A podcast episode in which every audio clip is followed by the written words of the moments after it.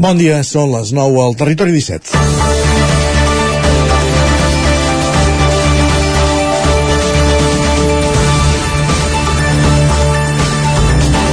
El grup de defensa del Ter ha anunciat que abandona la taula per la gestió sostenible de la ramaderia d'Osona, dit en l'argot popular la taula de Purins. Ens ho va explicar ahir la seva presidenta, Ginés Tamari, a l'entrevista. Creuen que podran fer més pressió des de fora que des de dins de cara a l'objectiu de reduir la cabana porcina a Osona i, en conseqüència, el seu impacte sobre el territori, ja sigui filtrant dejeccions al subsol o emetent gasos contaminants. Dins d'aquesta taula, constituïda el 2016 amb l'objectiu de fer compatible un sector ramader modern amb la gestió sostenible del territori, el GDT creu que l'únic que feien era blanquejar un sector agroalimentari que encara té molt camí per córrer en l'àmbit ambiental. I això i a la tarda ho van significar pintant de verd la figura del porcater de davant del sucre per després treure-hi el verd que el mateix grup ecologista portàvem a la taula de Purins. Cert és que Osona té un paper important en la indústria agroalimentària del nostre país i la ramaderia i la indústria transformadora són un dels principals motors econòmics de la comarca.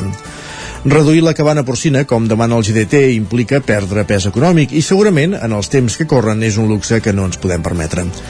Més enllà d'una altra realitat, la indústria alimentària té la missió d'alimentar el planeta i ens agradi o no, amb sistemes dimensionats només a la realitat territorial, el món no s'alimenta. Sense anar més lluny, on es produirien els aliments de les grans urbs com Barcelona? Ara bé, també és cert que el de la reducció de l'impacte sobre el medi és una assignatura pendent d'aquesta indústria de la mateixa manera que qualsevol empresa que genera residus de qualsevol tipus s'ha d'encarregar de gestionar-los i internalitzar aquesta gestió, la indústria alimentària no pot ser cap excepció. Cada granja ha de gestionar les seves dejeccions i amb la tecnologia actual és possible, fins i tot, i allò que en diem revaloritzar-les i crear-ne nous productes com fertilitzants d'alta qualitat o biogàs per després estalviar o comercialitzar.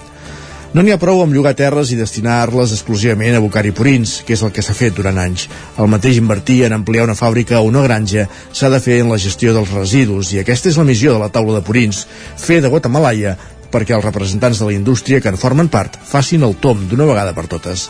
S'està fent feina, però encara no es veuen resultats. Si això hi afegim el to burlesc amb què sovint són tractats els ecologistes, no és d'estranyar mesures com la que ahir va anunciar el GDT.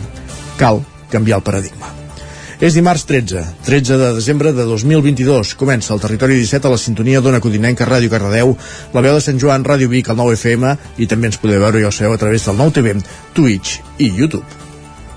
Territori 17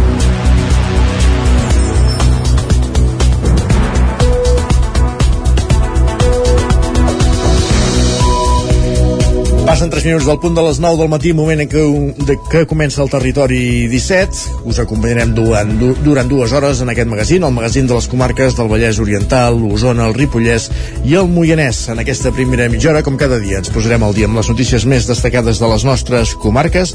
Farem un cop d'ull a la previsió del temps amb Pepa Costa, des d'Ona Codinenca, i un altre cop d'ull en aquest cas als diaris, a les portades dels diaris que trobem avui al quiosc i anirem amb en Sergi Vives. A partir de dos quarts de deu del matí serà el moment de pujar al tren a l'R3 amb l'Isaac Muntades recollint les cròniques dels oferts usuaris del nostre tren de cada dia, ara que va una mica més descongestionat després de la fi de les obres a, a l'estació de, de Sant Andreu i a l'entrevista anirem fins a Cardedeu perquè ha començat una nova temporada d'Objectiu Paqui, el talent show de les televisions locals. En parlarem amb el seu presentador Lluís Benzal en companyia d'en Pol Grau des de Ràdio Televisió Cardedeu. Avui és dimarts i a l'espai que cada setmana dediquem al medi ambient, a la natura, a l'energia. Avui ens centrem en aquest darrer àmbit, en l'energètic i amb Gil Salvans de l'Agència Local de l'Energia d'Osona parlarem en com estalviar amb la calefacció i no passar fred. Això arribarà a tre cap als vols de 3 quarts de 10 del matí, just abans d'arribar al punt de les 10 i fer-ho com cada dia amb música. A les 10 notícies, les més destacades de les nostres comarques, la previsió del temps en Pep Acosta i ens acompanyarà un dimarts més, parlant d'economia, en Joan Carles Arredon, del cap d'Economia del 9-9 del Vallès Oriental. A la darrera mitja hora ens endinsarem al món de Twitter amb en Guillem Sánchez i l'acabarem com, cada, com cada dimarts amb el Territori Dona. Aquest és el menú del territori 17 d'avui dimarts, per tant, sense més preàmbuls, comencem. Ens capbussem a la informació de les nostres comarques, les comarques del Vallès Oriental, Osona, el Ripollès i el Moianès. Ramon Roquer optarà a un cinquè mandat com a alcalde de Sant Joan de les Abadesses. Isaac Muntades, la veu de Sant Joan. No hi ha hagut sorpresa i l'actual alcalde de Sant Joan de les Abadeses, Ramon Roquer, optarà un cinquè mandat al municipi de cara a les eleccions municipals del pròxim 28 de maig de l'any vinent. Roquer, que va entrar a l'Ajuntament l'any 2003 com a regidor a l'oposició, va ser candidat a l'alcaldia per primer cop l'any 2007 amb 33 anys. En els quatre comicis electorals celebrats fins ara ha obtingut quatre majories absolutes. El 2006 va aconseguir sis regidors, igual que el 2019, mentre que el 2011 i el 2015 va arribar fins al 7. En les darreres eleccions va guanyar el cara a cara amb Sergi Albric, l'únic rival polític confirmat confirmat fins ara a les eleccions de l'any vinent. En aquella contesa electoral, Roquer va obtenir el 56% dels sufragis amb 1.171 vots. Roquer, que ara té 48 anys, té la mateixa il·lusió per treballar pel poble que quan va començar. L'actual alcalde és autònom vinculat al negoci familiar de ramaderia i agricultura i durant un temps en el sector de la restauració treballant al restaurant de Rama. Roquer va explicar per què torna a presentar-se. Nosaltres venim treballant molt intensament des de fa molts anys, amb molts projectes, vivim uns moments difícils però a la vegada ple d'oportunitat, sobretot les convocatòries que, que se'ns ofereixen als ajuntaments, sobretot de fons europeus en general, i, i per tant nosaltres eh, ens agradaria seguir conduint, fent caminar tots aquests projectes perquè arribin a, a bon port i arribin al final. Precisament en el cas de reeditar l'alcaldia, Roquer pensa que encara hi ha alguns projectes que s'han d'executar de manera prioritària. En va numerar tres. En un parell de mesos inaugurarem una primera fase de la nova ubicació per la biblioteca. Tenim el repte i l'objectiu d'anar-la ampliant i, i, i fer-la créixer en, en aquest espai. L'altre és el trasllat de l'infantil a la primària de l'Institut d'Escola Mestre Andreu. Estem a tocar de que això pugui ser una realitat, però hem de seguir lluitant i ens sembla que ningú millor que nosaltres que hem iniciat aquest projecte, que ens el creiem i que diguem l'hem abanderat i l'hem fet caminar fins on és. Seguim tenint molta feina amb el desenvolupament real de, industrial de Lleudet, amb implantació d'empreses, també amb rehabilitació dels habitatges, en la posada en marxa del museu. Encara no està confirmat que Roquer concorri a les eleccions sota les sigles de més i s'estan barallant diverses opcions com constituir-se en un grup d'independents. Tot just estan a l'inici de confecció de la llista, que espera que sigui transversal en l'àmbit ideològic sense tocar els radicalismes, però prioritzant la gent d'esquerres i catalanista. La policia de Cardedeu deté dues persones per saqueig i robatori a 15 vehicles. Pol Grau, Ràdio Televisió Cardedeu. La policia local de Cardedeu ha detingut dues persones relacionades amb el robatori amb força a l'interior de vehicles a l'Avinguda del Ferrocarril, darrere de l'estació. Tot i tractar-se del mateix emplaçament, els fets van tenir lloc en dos dies diferents, el 3 i el 7 de desembre. En el cas del dia 3, a les 4 de la matinada, un veí va alertar de soroll de trencadisses de vidres darrere de l'estació. Un cop personada la patrulla de la policia local va identificar una persona pels vols de l'avinguda de ferrocarril, que després dels indicis observats i les diligències practicades es va detenir com a presumpte autor dels 13 robatoris amb força a l'interior dels vehicles. Els fets del dia 7 són similars, cap a les 11 de la nit, un veí va informar la policia que veia, des del seu domicili, a una persona robant a l'interior de vehicles estacionats a l'avinguda del ferrocarril, facilitant una descripció física acurada de l'autor i del carrer pel qual havia fugit. La patrulla va identificar una persona a l'Avinguda Catalunya, que corresponia amb la descripció, amb nombrosos antecedents per la mateixa tipologia de delictes i amb una relació compatible amb el trencament de vidres. Finalment es va poder acreditar l'autoria dels fets i va quedar detingut. Més qüestions, el Mercat Medieval de Vic tanca l'edició del retorn a la normalitat amb més de 300.000 visitants, dels quals un 35% són nous, segons les enquestes recollides per l'organització. Es calcula que el mercat haurà deixat uns 5 milions d'euros a la ciutat. Sergi Vives. La 26a edició del Mercat Medieval arrencava dijous i ha portat fins a la comarca usonenca més de 300.000 persones, una xifra similar a la de l'any passat que confirma la fidelitat del visitant del Mercat Medieval, majoritàriament provinent de la província de Barcelona. Segons les enquestes, però, un 35% del públic és nou, una dada que, segons la regidora de Promoció Econòmica, Bet Piella, satisfà l'organització.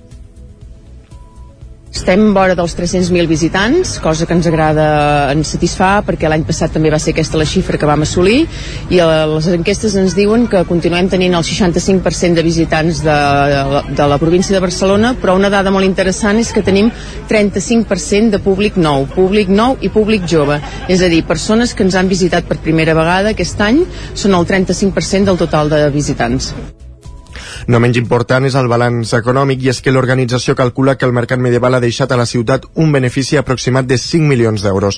En aquest sentit, Marc Vázquez i Jordi Balàs, paradistes, marxaven satisfets de la capital osonenca, malgrat la pluja intermitent dels primers dies i les baixes temperatures que han marcat l'edició, explicaven que el balanç i el ritme de vendes ha estat molt positiu. La valoració del mercat realment ha sigut molt positiu aquest any, després de la crisi que hem passat per al tema del Covid i que l'any passat no vam poder muntar el casc antic, el tornar un altre cop a l'ambient, eh, la veritat que la gent hem vist que ha tingut molt bona acollida. Bueno, bé, la veritat és que bé, ja fa diversos anys que venim i n'estem força contents. Bueno, per això anem vinguent i bueno, aquest any ha estat una mica més fluixat darrere el temps, però bueno, la gent ha respost molt bé.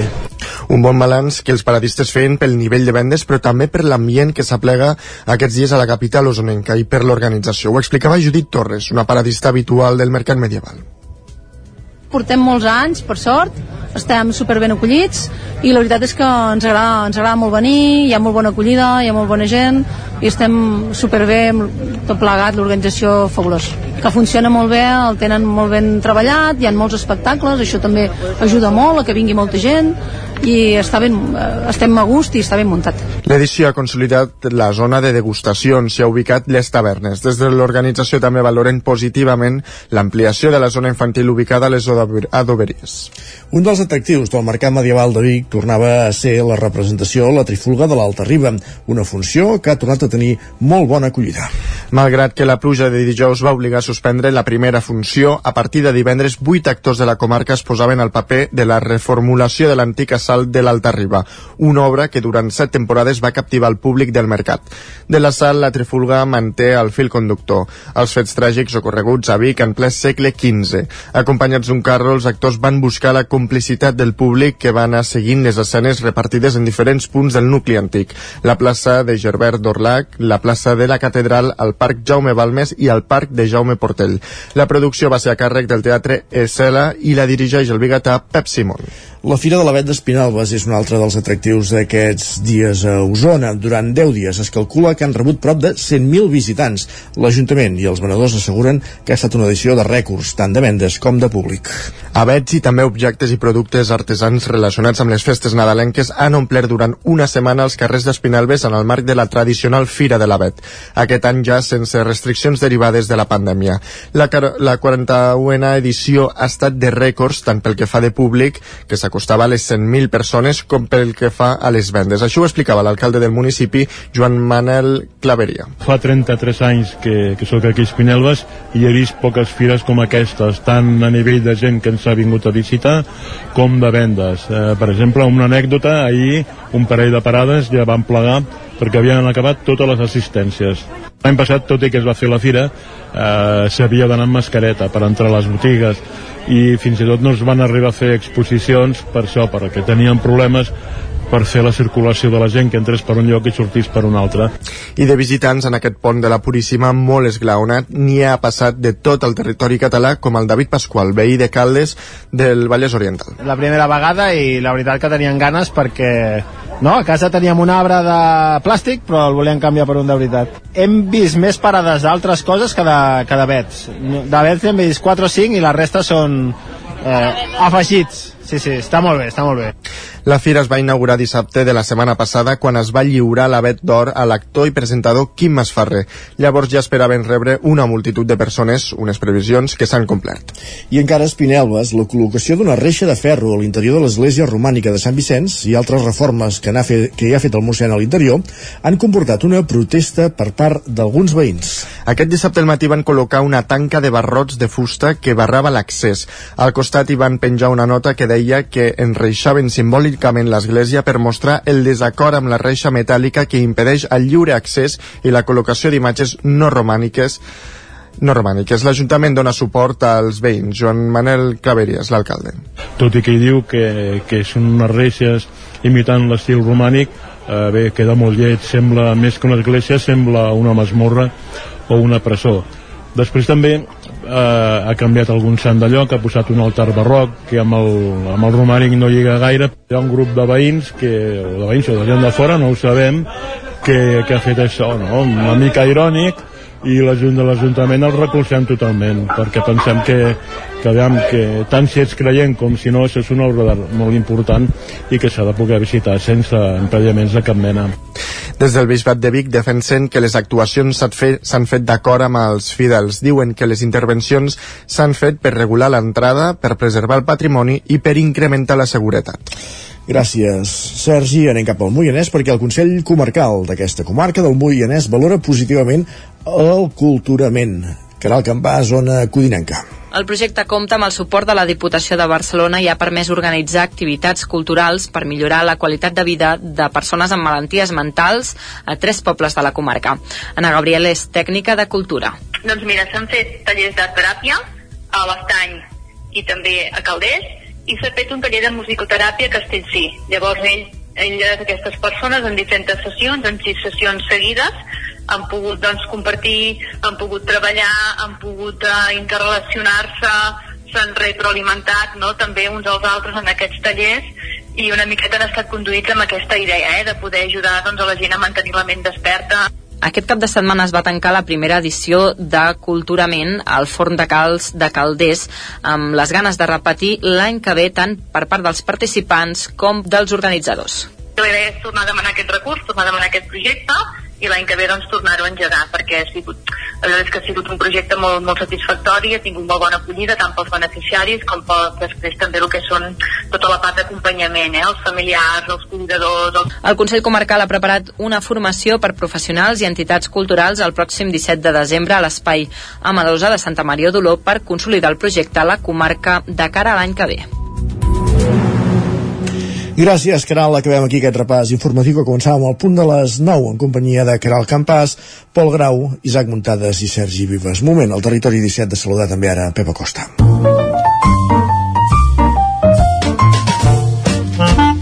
Casa Terradellos us ofereix el temps. És el nostre home del temps i l'hem d'anar a pescar cada dia a una codinenca, Pep. Benvingut, bon dia. Hola, molt bon dia a tothom. Com estàs? Què tal? Content Uh, pluja. espero que estigueu molt bé, tota la gent que fa possible el programa, que estigueu molt bé, tots els nostres oients. Uh, Va avançant la setmana, va avançant el mes de desembre. 13. Ens acostem ja de ple, de ple al final d'any. Uh, Se'ns en va, eh, aquest 2022. Se'ns en va i estem contents. Estem contents. Ens n'alegrem, Ahir eh, una bona pluja, eh, molt maca, una, una bona regada a totes les comarques, eh, moltes poblacions amb més de 10 litres, eh, cap al Pirineu sí que va ploure poc, menys de 10 litres en moltes zones, però bueno, per fi, per fi, una mica de, de pluja una mica intensa, que ja ja tocava, eh? Feia molt, molt, molt que no teníem un episodi de pluja com el, com el d'ahir, amb bastantes hores, amb anar fent aquella pluja que va, va fent, va fent, va filtrant. Molt bona notícia, molt bona notícia, però òbviament eh, falta moltíssima, moltíssima aigua, eh? No, no, ni de bon tros es pot solucionar la sequera amb la pluja d'ahir.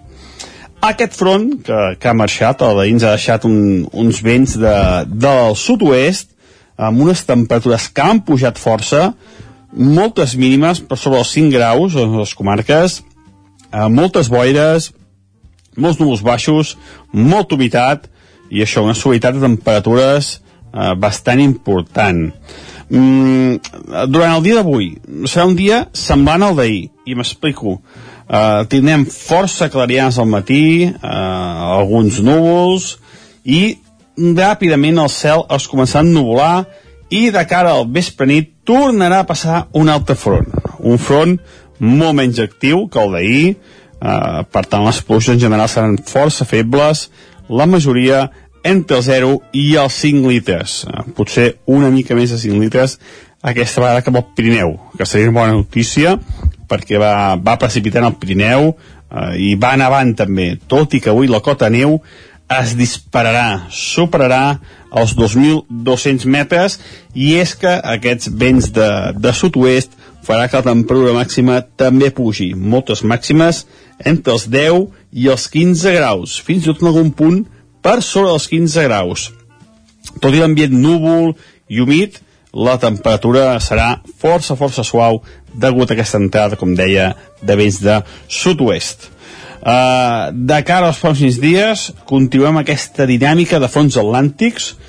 Mm, que venim a casa nostra uh, desgastats perquè aquests fronts atlàntics la majoria de la pluja la deixen cap a la- l'oest de la península ibèrica però bueno, millor això, millor aquests fronts que van que van precipitant que no pas que, que no pogui gens, gens, gens, gens. Per tant, són bones notícies aquests fons atlàntics que ens acompanyaran diversos dies aquesta setmana. I les temperatures no baixaran molt, no serà una setmana freda ni de bon tros. I això és tot, a disfrutar del dia d'avui. Adeu! Doncs ja ho sabeu, pendents d'aquests fronts atlàntics, pendents del cel, per aigües la bossa, perquè aquesta setmana pot anar plovent. I si la pluja és generosa com la d'ahir, doncs mira, anem sumant a poc a poc. Mica en mica s'omple la pica, que diuen. Gràcies, Pep, parlem més tard. Casa Tarradellas us ha ofert aquest espai. I del temps, dona Codinenc que anem cap al quiosc. El quiosc que hi ha anat en Sergi Vives ja ha fet un cop d'ull als diaris i ara és moment de repassar quines són les portades més destacades. Sergi, bon dia. Efectivament, bon dia. Doncs comencem pel punt avui que encapça la portada amb el Qatar Gate europeu. Expliquen que s'ha produït un escorcoll a l'Eurocambra pel cas dels suposats suborns polítics. Afegeixen que la desena d'investigats inclouen a la vicepresidenta Kylie, que ha estat detinguda. déu nhi i sota el titular Primers eh, sutura a la Sagrera expliquen que les línies R2 i R11 ja travessen la gran terminal i estrenen a Estació Sant Andreu. I aquí, de fet, veiem un d'aquests trens estrenant-la eh, estrenant-se en aquesta estació. I també destaquen que Esquerra i el PSOE pacten reduir la pena de malversació sense lucre. La, la notícia del dia que explicarem a, tots, a totes les portades. I també expliquen que l'Església té tres bisbes pendents de nomenar a Catalunya. Doncs sí, aquest acord pel delicte de malversació que arribava ahir al vespre i segurament ocupa totes les portades. Va, anem per al següent. El periòdico explica que la malversació serà un delicte castigat amb 4 anys. També destaquen que Rodalies es recupera, expliquen que la nova estació de Sant Andreu, l'eix ferroviari Uh, de la Sagrera, una estació que la veiem en una fotografia feta des de la cabina d'un maquinista. Uh -huh. També expliquen que treball parteix de 1.050 euros per fixar la pujada de salari mínim. I en més petitet expliquen que el nivell dels alumnes catalans d'ESO cau en totes les assignatures i també anuncien que Catalunya vacunarà de grip el 2023 als nens de 6 mesos a, de, de 6 mesos a 5 anys. Molt bé. La Vanguardia destaca que el PSOE i Esquerra pacten un màxim de 4 anys per a la malversació, sense lucre, i anuncien que arrenca Alba 2, el nou ciclotró a Catalunya. Expliquen que entrarà en funcionament el 2031 i oferirà imatges nanomètriques d'objectes diminuts amb més detall i rapidesa. I aquí veiem una fotografia de les instal·lacions i la seva creadora Caterina Viscari. Doncs un nou cincotró, el d'Alba, ara ja és el, serà el d'Alba 2 a partir del 2030, has dit, eh? Sí, sí, 2031. El 31. Més qüestions. I també expliquen que Xavier Trias es presenta per Junts a l'alcaldia de Barcelona. El mateix diu, em presento per recuperar el prestigi perdut de la ciutat. Ho anunciava ahir. Lara destaca l'alerta per la caiguda general del nivell de català, mates i anglès. I sota el titular torturat i emerinat per la Guàrdia Civil, expliquen que ahir va començar l'exhumació del militant antifranquista Cipriano Martos. I aquí, en una fotografia, veiem el seu germà, que el recordava al cementiri de Reus, on se suposa que hi ha el seu cos. Uh -huh. També expliquen que han detingut el músic Albert de Prius per haver abusat d'una menor i també destaquen que Esquerra proposa que el el sí en un referèndum pactat necessiti el 55%. Fins ara les coses es, els siguis no es dividien a partir del 50 més 1, doncs no. Sí, sí. Bueno, en aquest ara... cas proposem ja el 55 l'objectiu, ens el posem mal va, què més? Anem cap a Madrid perquè el país explica en relació a la reforma del delicte de malversació que el PSOE i Esquerra pacten rebaixar penes però discrepen sobre el seu abast. També destaquen que la llei trans segueix endavant sense l'esmena socialista. També expliquen que Treball estudia la proposta de pujar el salari mínim fins a 1.082 euros. I destaquen que les propostes, eh, que les protestes porten a Perú al caos. Tot i això, la presidenta preveu seguir fins al 2024. I per altra banda expliquen que Iran tracta de terroritzar els dissidents amb execucions públiques. I aquí veiem una d'aquestes execucions, una persona que amb una corda lligada al coll penjada amb una grua, una imatge pròpia del cuento de la criada. De, sí, però el més lamentable és que és real. No, no, sí, sí, sí, per això. déu nhi L'ABC explica que Perú s'enfronta a les revoltes dels partidaris del tancament del Congrés i aquí de fet veiem una imatge de la policia i l'exèrcit enfrontant-se enfrontant a alguns manifestants. I per altra banda expliquen que Sánchez consumeix el seu pacte amb Esquerra perquè Junqueras es presenti a les generals. Caram. Les lectures que em fan. Sí, sí, sí. El Mundo explica que el PSOE pacta amb Esquerra deixar impune la malversació del l'1 d'octubre i en relació a Perú expliquen que partidaris de Castillo ocupen dos aeroports i aquí en una fotografia veiem una línia policial mirant els manifestants a l'aeroport d'Arequipa. També expliquen que la policia registra les oficines del Parlament Europeu, això en relació als casos de corrupció pel Mundial de Qatar, i per altra banda expliquen que Podemos amenaça la distribució amb un nou impuestazo, així com ho qualifiquen els beneficiaris. I ja per acabar el Mundo informa que el PSOE accepta la llei trans sense canvis en l'elecció de lli en l'elecció lliure del sexe. I la Razón explica que Moncloa utilitza la malversació per refermar la seva relació amb Esquerra per altra banda destaquen el nosaltres o Sánchez. Aquesta és la conjura que va fer ahir mm, Feijó i Ayuso en el marc del sopar anual del PP de Madrid. Molt bé, i el que fem ara, que tenim un minut, és fer un cop d'ull a les portades digitals del 99.cat. Comencem per l'edició d'Osona i el Ripollès. Doncs expliquen que Osona, el Ripollès i el Moianès rehabilitaran 5 edificis amb 3,5 milions dels Next Generation. Perfecte. I a l'edició del Vallès Oriental? Doncs expliquen que Sant Antoni planteja un camp fotovoltaic de 10 hectàrees camps fotovoltaics, que també és una, un dels ítems que anirem veient en els propers mesos, anys, perquè sí, ens hem de posar les piles també amb la generació d'energia de, elèctrica neta. Gràcies, Sergi. A tu. Tot seguit el que fem al Territori 17 és una petita pausa per continuar amb els continguts previstos per aquest dimarts 13 de desembre.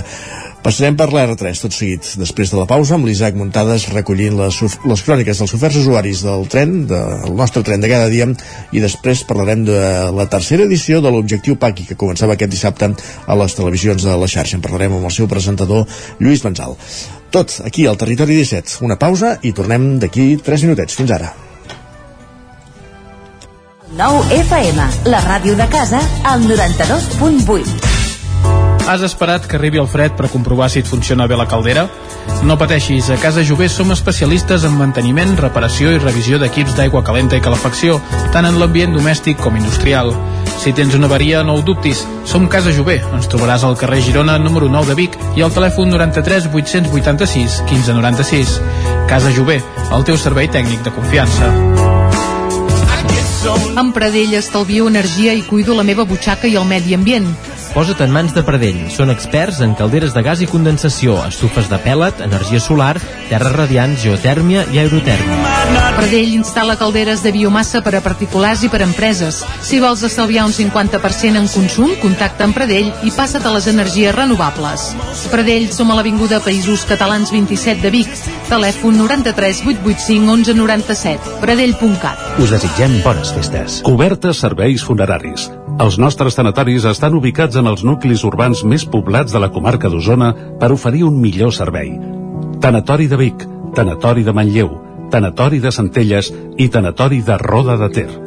Sabem que són moments difícils i per això el nostre compromís és atendre-us en tot moment amb un tracte humà, sensible i respectuós. Cobertes serveis funeraris. Telèfon 24 hores 93 883 23 46.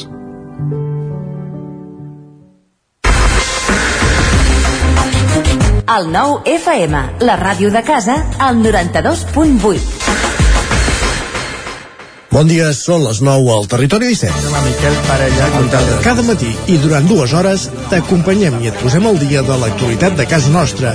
Potenciant així l'autonomia Per aquest cas me la peça el teler si no... Cursos per feminitzar el pensament masculí.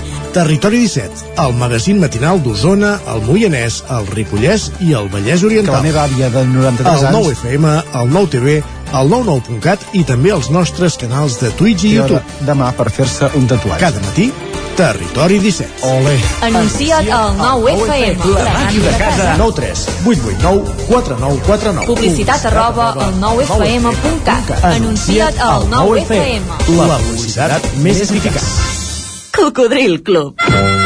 Si t'agrada la bona música dels anys 60, 70 i 80, escolta el 9 FM als matins de dissabtes i diumenges d'11 a 1. És el temps del Cocodril Club, tot un clàssic de la ràdio, amb les bases del pop-rock, les llegendes, les cançons que s'han convertit en autèntics himnes. Recorda, dissabtes i diumenges al matí, d'11 a 1, al 9 FM 92.8. Cocodril Club, el programa revival de l'Albert Malla. Hasta luego, cocodrilo. El 9 FM, el 9 FM, el 9 FM, el 9 FM, el 9 FM. Territori 17.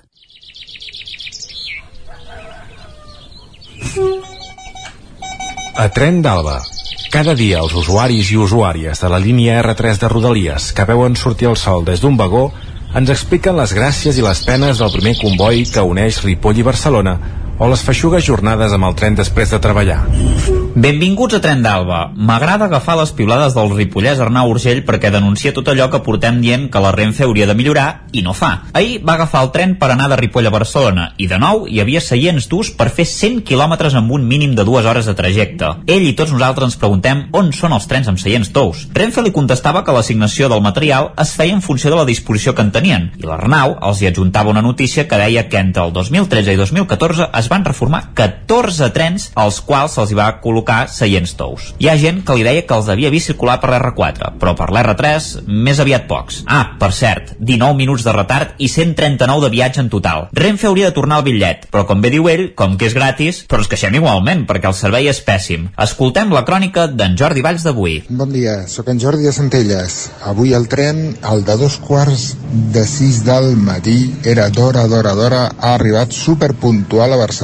La veritat és que ha estat un viatge molt i molt tranquil. El que sorprèn arribar a Barcelona abans de les 7 és com pujo un tros per Passeig de Gràcia és veure la quantitat de botigues obertes que estan carregant i descarregant i tot de persones, sobretot noies que estan dale que te pego allà amb els transpalets i tot. déu nhi la vidilla que hi ha en aqu aquesta hora per, per al centre. Conforme vas pujant, a poc a poc es va com calmant i llavors et trobes als bars amb gent, sobretot algunes cantonades amb taxistes que van esmorzar a primera hora del matí. El tren és curiós perquè mai sé si baixem gent que anem a treballar o molta gent que torna a casa a dormir. És una sensació estranya veure com es va despertant la bèstia de Barcelona a poc a poc. Res, només us volia fer un comentari una miqueta de bon humor, que sempre sembla que estigui enfadat. Vinga, cuideu-vos, adeu-siau. Molt bé, Jordi, explicant-nos com es desperta Barcelona. I, evidentment, quan tu hi arribes, ja hi ha gent que està treballant. Les grans ciutats mai dormen, com diu el refrany. Va, en retrobem demà amb més històries del tren i de l'R3. Territori 17, el 9 FM, la veu de Sant Joan, Ona Codinenca, Ràdio Cardedeu, Territori 17. Dos minuts i mig que passen de dos quarts de 10, parlem de l'objectiu Paqui a l'entrevista.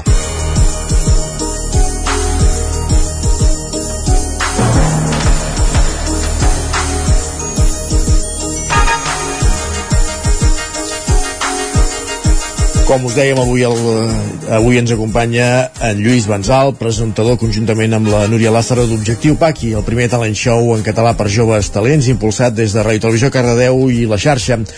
En aquesta tercera edició s'hi han afegit 35 televisions locals per buscar la millor veu de Catalunya. Saludem primer de tot en Pol Grau des de Ràdio Televisió Cardedeu. Pol, benvingut, bon dia. Bon dia. Bon dia, Isaac. Com estem? Bé, aquí preparats. Molt bé. Que avui el, el territori se ens acompanya el Lluís, presentador d'OP i col·laborador de Ràdio Televisió Cardedeu. Bon dia, Lluís. Bon dia als dos, bon dia. Què tal, com estàs?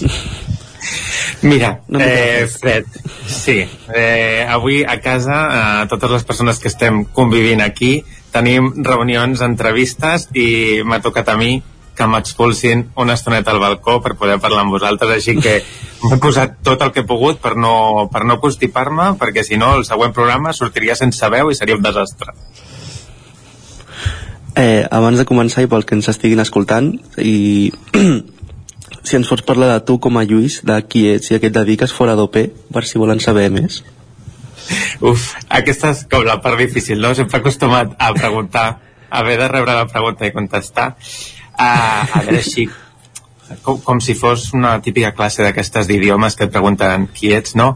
A veure, tinc 35 anys, eh, visc a Barcelona, vaig néixer aquí i he passat gran part de la meva vida aquí a Barcelona, però tinc lligams eh, molt grans amb Cardedeu des de l'època universitària, tinc amics i avui dia puc dir que tinc família amb, amb el Pol i tota la gent de la tele. I de dilluns a divendres sóc enginyer aeronàutic i tinc la sort de poder treballar del que vaig estudiar i la resta de temps que em queda uh, col·laboro a Televisió de Cardedeu, eh, sobretot fent de presentador, però ja sabem que a Televisió de Cardedeu un dia et toca fer càmera, l'altre dia et toca tirar cable, eh, l'altre dia estàs posant micros a la solapa d'algun company, així que fem el que ens toca i aprenem, que és el més important. I què suposa per un enginyer aeronàutic presentar un programa com l'OP? A veure, per mi és el somni de, de la meva vida, eh? O sigui, jo era el típic nen petit que, que ha fet teatre, que um, a l'apartament de vacances a Castelldefels enxitxava a tots els altres nens per fer la funció eh, cobrant entrada als pares perquè al final una persona és precària des d'infància i ha de recaptar diners però sempre havia tingut aquesta cosa de, de showman i pues, al final quan un vol ser presentador poder presentar un format de talent show com aquest és quasi l'experiència màxima televisiva, no? O fer un cap d'any, coses d'aquest estil. Llavors, quan va caure aquest carmelet i com ha anat creixent entre tots, amb l'ajuda de tots, jo, si s'hagués d'acabar la meva vida televisiva amb aquest programa, eh, estic més que content, eh? Vull dir, realment he complert aquest somni d'infància de, de fer de presentador en un format tan gran i tan gegant com aquest com ja és la tercera edició d'Objectiu PAC i ja has presentat dues, com veus el nivell d'aquesta tercera edició, que hi ha més, més candidats? Uh, a veure, jo que tinc la sort de poder veure els vídeos, el contingut i anar xafardejant una mica més que, que el nostre públic que ha d'anar esperant cada setmana a, a la píndola i a conèixer nous eh, participants està sent bastant espectacular. A més, hem tingut la sort de poder anar a diferents càstings a, a diferents llocs de Catalunya i el que mola és veure això, que, que hi ha talent, o sigui, que, que aixeques una pedra i hi ha talent a qualsevol banda de Catalunya. I que no tot és igual, perquè al final influeix molt el territori, a la teva forma de parlar català. O sigui, la meva és, hola, sóc de Barcelona, però, clar, escolta una persona que sigui de Girona cantant amb el seu català i jo em quedo embobat i, i és que ja, o sigui, ja veus però és que tenim músics o sigui, aquests joves no es queden només en saber cantar perquè tenen aquest talent. No, no, saben de música, toquen instruments, uh, arrisquen, són bastant autodidactes, que crec que això ho ha fet molt la pandèmia. És espectacular, jo crec que, que va a més cada any perquè la gent ho veu i llavors eh, tothom vol com l'oportunitat o vol ensenyar el seu talent. Jo crec que aquest any fliparem encara més. Uh, en aquesta edició, com dèiem, la principal novetat és, és aquesta que, que, hem anat, que ha anat planant sobre l'entrevista, que és el fet que una, un projecte nascut a Ràdio Televisió Cardedeu, que després es, es va fer seu la xarxa, però en aquest any s'hi han afegit 35 televisions fent càstings uh, territorials, diguéssim, amb 40 aspirants, què ha suposat això pel, pel programa? Evidentment, aquesta ampliació també és un, un, una obertura de mires i, com bé deies ara, de, de més veus, de més accents, de, de moltes més coses, no? Uh, sobretot jo crec que ha suposat molta feina per l'equip de producció que, que les pobres són, són unes reines i, i treballen moltíssim i dediquen moltes hores per, per estar conxerxades amb tothom i que tothom estigui content i, i vulgui participar. I jo crec que, que el que suposa això és al igual que vosaltres feu un programa de ràdio que connecta amb diferents llocs que dona veu als problemes del tren, com escoltàvem fa una estona a, a diferents bandes del territori, crec que estem aconseguint donar-li eh, aquesta realitat al fet de la xarxa de telecomunicacions local, no? O sigui, que realment siguem una xarxa que es noti que podem treballar junts i que, i que els problemes i les coses bones i el talent és igual i té el mateix valor a totes bandes. Jo sóc de Barcelona eh, i tot i així conec eh, la merda que és per tothom, el centralisme d'aquest país, eh, aquí tot sembla que hagi de passar a Barcelona, no? I aquest fet de que, com m'agrada dir, no? la capital d'objectiu pa aquí, que és Cardedeu, sigui com el centre neuràlgic i connecti, doncs, de cop estàs parlant amb gent de Mollerussa, amb gent de, de Girona, eh, baixes fins a Tarragona, Reus, i acabes coneixent eh, el que deies, diferents accents, formes de parlar català, formes de cantar i d'entendre la música. Vull dir que Catalunya és un país molt ric i el seu folklore és molt diferent de banda a banda. I això, escoltar una persona de Terres de l'Ebre parlar, o sigui, em pixo, i després em fa vergonya el meu català de, de ciutat, saps? Di... Dissabte passat es va fer el primer càsting territorial on es van seleccionar els 10 primers aspirants aquest dissabte és el segon, el segon càsting territorial es, a, a, a, a escollir els, els següents 10 aspirants com ho porteu això i que, que sigui una Eurovisió així a Catalunya i què esperes d'aquest segon programa? Mira, jo després del programa de l'altre dia, veient les, re les reaccions de tothom, eh, sembla que aquest format Eurovisiu ha agradat molt i han xitxat molt. Uh, tots els reporters que van connectar de les diferents televisions per donar els vots, jo crec que s'ho han passat teta amb el programa. I nosaltres des de dins, tot i que són molts nervis i són moltes coses les que poden no encaixar, que poden acabar fallant, uh, clar, estàs allà com vivint en directe, rebent punts, uh, arriba un punt que la classificació queda una mica encaixada, sobretot a les posicions primeres, perquè potser hi ha certes veus que agraden de forma més, més general, més a, a tothom, però sempre està aquell punt de la novena, desena posició, que són els últims classificats, que ens passem tot el programa, ara puja un, ara cau l'altre, i com no, o sigui, no, no estàs encara en aquell punt de, de tenir connexió amb els, amb els concursants, estàs tota l'estona en, en plan de qui passarà, qui no, a, a qui podré conèixer quan arribin els, els següents càstings presencials, no? Llavors jo espero no morir d'un infart, perquè l'altre dia ja va ser bastant trepidant, i, i sí que sé eh, que, que els 20 concursants que coneixerem eh, aquest dissabte eh, són molt potents també i, i jo ja espero i, i, i veig venir que, que tindrem una altra vegada el mateix conflicte amb aquestes posicions al final fins a l'últim moment, que mira, per una altra banda jo crec que és el que, que ens agrada a tots, no? aquesta emoció fins al final i està una mica amb el cor aquí a la boca que, que se'n surt. Així que emoció, nervis i no morir-me en el plató, tot i que pugui ser molt bonic per la gent que ho està veient a casa, però a mi no m'agradaria. No, de fet no, no seria una imatge molt eh, positiva, per entendre'ns. Pol, Ja, com va dir la Mat el dissabte passat, a Mansos Mandia és més per als participants i no surten a la llum. No sé si ens pots explicar com són els dia a dia a Mansos Mandia, com ho viviu, què feu. Vols un que no sàpiguen... a mi? A mi em tenen bastant batat, perquè no em deixen apropar-me molt a Mansos Mandia. No sé si pensen que estaria tot el dia liant-la i distraient a, a les concursants, però en realitat fan molta feina. Al cap de setmana, dissabte, eh, no deixen de fer classes per, per treballar el moviment, la corporalitat, com està l'escenari, treballen la cançó a nivell interpretatiu del que significa la lletra, de com connecten, i a nivell vocal, per donar el, el millor d'elles de, i ells mateixos. Llavors, dissabte estan tot el dia treballant, fan per on per menjar, normalment per la tarda, perquè sigui una mica més entretingut, tenen algun taller, l'any passat van tenir un taller de rap, que els hi va agradar molt, també van treballar la cançó, la cançó coral que canten tots els concursants junts i això també els fa tenir una estona distesa. I després ja veieu el sense filtre, que és una mica aquesta fila que faig, tothom amb pijama, amb les Pijama, seves millors... Sí, amb les millors gales, no? Passant una bona estona. I el diumenge eh, ens trobem tots eh, amb els concursants a plató per seguir treballant, perquè provin les cançons, perquè provin amb els ballarins les coreografies.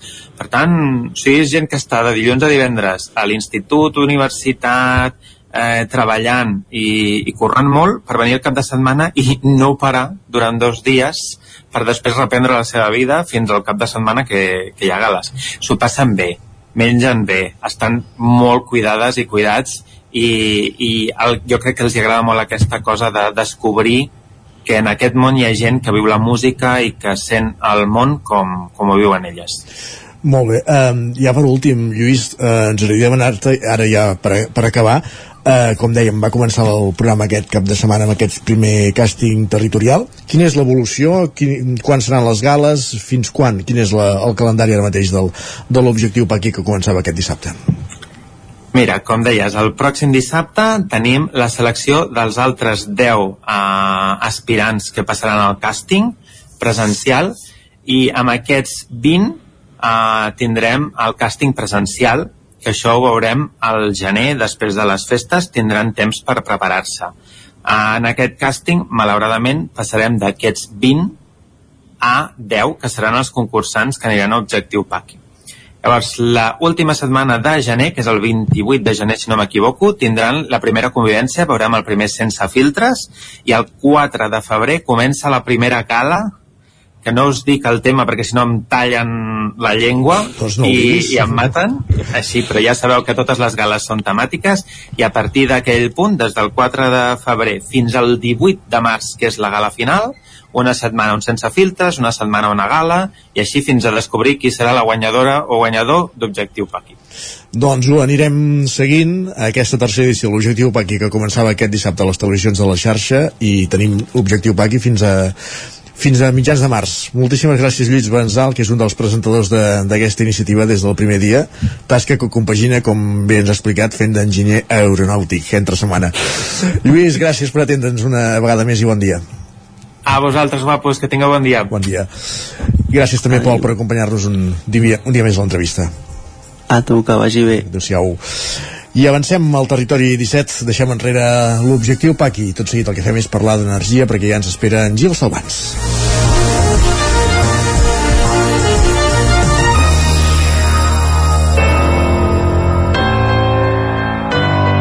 Territori, Territori 17. 17. Territori 17.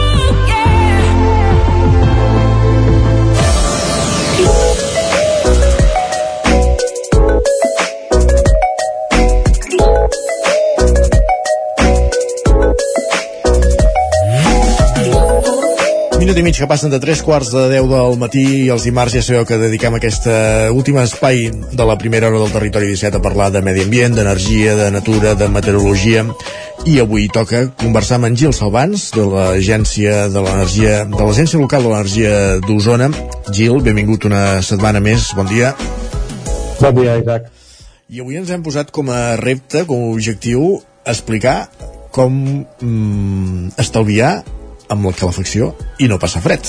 Que Aquesta, aquest, aquest últim punt és important perquè moltes vegades les mesures d'estalvi són baixar la temperatura i llavors la situació és la que és. Aquesta, aquesta, és- clara, eh? Vull dir, baixar temperatura, jo crec que és una mesura que s'ha de tenir en compte, però, però, però no sempre és la... Bueno, sí, sempre, sempre estalvies si baixes temperatura, però, però també s'han d'estar confortables. Molt bé. Hem de, hem de, vi- hem de viure. Pos- Posem un primer titular perquè recordo que més d'unes vas esgarrifar quan fèiem aquesta mateixa secció just abans de començar l'estiu i, començar, i parlàvem de la temperatura a la qual havíem de tenir el termòstat que em sembla que, vam, que el situàvem als 27 graus i la gent s'esparverava eh, ara l'hivern quina hauria de ser la temperatura? Clar, eh, aquí hi ha un tema de la llei que ens marca el nou, nou decret llei de mesures d'estalvi energètic, que ens parla de 19 graus en espais públics i en zones de treball. Segurament a pocs llocs es compleix, també s'ha de dir, perquè bueno, des de l'agència que portem molts controls d'oficis públics i així, quan una persona està sentada i quieta, eh, 19 graus és una temperatura força baixa. És molt subjectiva, eh, la temperatura i, i, i la calor i el fred, això, eh, el primer punt, i, i aquests espais tan oberts on treballen multitud de persones, eh, un té fred, l'altre té calor. Correcte. Eh, però, però jo crec que una bona temperatura és, és, està a l'entorn dels 20 graus, eh, 21 graus eh, si som una mica fredalucs. Jo crec que passar els 21 graus no, val més abrigar-nos, val més posar-nos uns pelucs i algunes coses, i abrigar-nos, no cal anar amb màniga curta a l'hi- a l'hi- jo crec que és una, també és un altre concepte, no cal baixar la temperatura, però no cal anar amb màniga curta per casa eh, a l'hivern. Encara que ens ho puguem permetre, mm, pel bé de la, del, del planeta i, de, i la situació actual energètica, jo crec que tots hem de ser més solidaris en aquest sentit.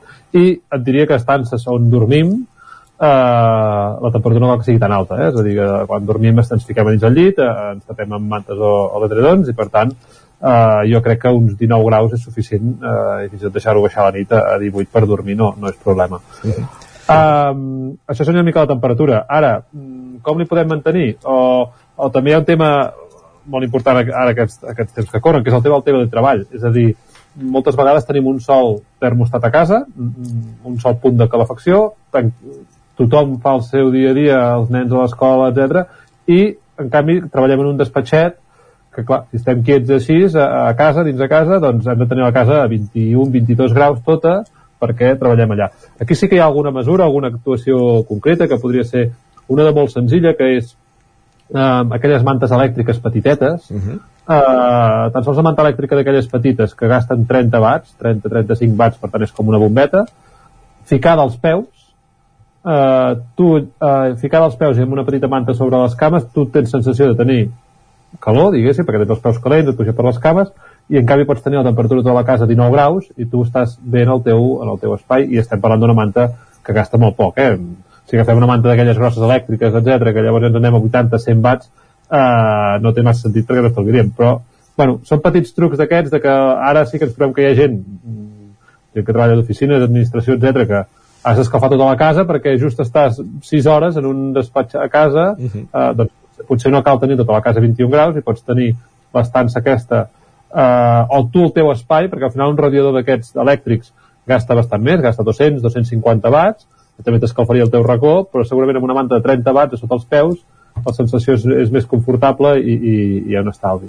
I després, després hi ha moltes altres mesures, eh? Uh, hi ha les mesures amb inversió importants, que tots les sabem, aïllaments de sostres, canvi, canvi de tancaments, etc que ara hi ha subvencions importants en aquest sentit, però eh, jo crec que és important les petites mesures, també les que no tenim eh, despesa econòmica o, o petita despesa, com podria ser les gomes de les finestres. Tenim les finestres una mica antigues i potser no tenim, no volem fer la inversió ara de canviar-les, però posar una gometa al entorn de la finestra, això ens evita entrada de, d'aire i, i ens millora molt l'aïllament. També la caixa de persiana. Les caixes de persiana són un dels grans punts d'entrada de fred. De fet, moltes vegades si tenim persiana aquesta amb cinta, quan fiques la mà sota la cinta veus que allà entra un aire fred als vespres. Sí, sí.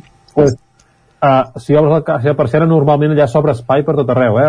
és molt gran, doncs allà posar un suro, un caixó o omplir-ho amb, amb material que podem comprar a qualsevol botiga de, de, de, de construcció que uh, l'ACI o fes més, aquestes tenen sistemes d'aïllament, enganxar un mica sistema d'aïllament a la caixa persiana que tu pots fer tu mateix, uh, també et millora molt i llavors la sostre, eh? gran part de la calefacció o, o de la temperatura tèrmica que tenim dins de casa se'ns en va pel sostre, ja sabem que la temperatura eh, bueno, l'aire calent puja cap amunt per tant el sostre, si tenim fals sostre si tenim coses d'aquestes, segurament podem nosaltres mateixos, sempre es pot mm, contractar una empresa que ens, que ens aïlli però podem anar a comprar mm, trossos de suro, eh, embolcalls de llana de roca o de llana d'ovella per estendre'ls i per tant podem aïllar-nos a la nostra casa nosaltres manualment i amb això estalviem eh, energia sempre. També la típica cosa que abans es feia, jo crec que es va deixar de perdre, eh, que era eh, quan venia l'hivern, la porta d'entrada de casa i posàvem una gometa baix o sí. fins i tot un fins i tot un peluix d'aquests que pesaven perquè no entrés l'aire.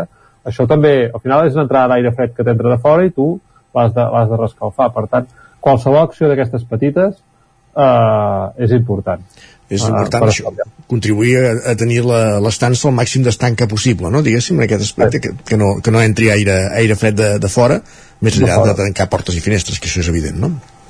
I després hi ha el tema del sol, eh? és molt important, tot i que ara portem dos o tres dies que, bueno, almenys ens ha plogut una miqueta, poc, però ens ha plogut, però portem pocs dies, aquests últims dos o tres dies no ha fet sol, però sí que a l'hivern hi ha molts dies de sol. Si pot entrar el sol a casa, és, un, és, una, és, és la millor calefacció que hi ha, perquè és gratuïta i t'escalfa la casa. Per tant, sobretot això, obertura de finestres que ens toca el sol, apartar cortines perquè les cortines paren molt la, la calor dins. És a dir, tu una estança on t'entra el sol, si tens les cortines que te'l paren, eh, no se t'escalfarà. Si en canvi t'entra el sol a dins i escalfa rajoles, si el sol toca el terra de la casa, hi ha rajola, hi ha, hi ha ceràmica, aquella temperatura queda allà emmagatzemada i després de que tot deixa de marxar el sol, quan marxa el sol, deixa anar aquesta energia. Vull dir que és molt important l'entrada del sol, encara que no, no siguem a casa, deixar-ho obert, i llavors al revés, quan marxa el sol, quan a fora fa més fred, tancar-ho. Uh -huh. És molt important l'obertura i el tancament, també a l'estiu, eh? l'estiu és el contrari, és a dir, ventilar molt a les nits i matinades i hores de sol tancar-nos dins de casa, doncs a l'hivern hem de fer el mateix pel revés, és a dir, estar ben tancats eh, quan a fora fa més fred que dins i, i quan a fora fa sol, encara que faci més fred, deixar entrar el sol a dins de casa també és, és molt important.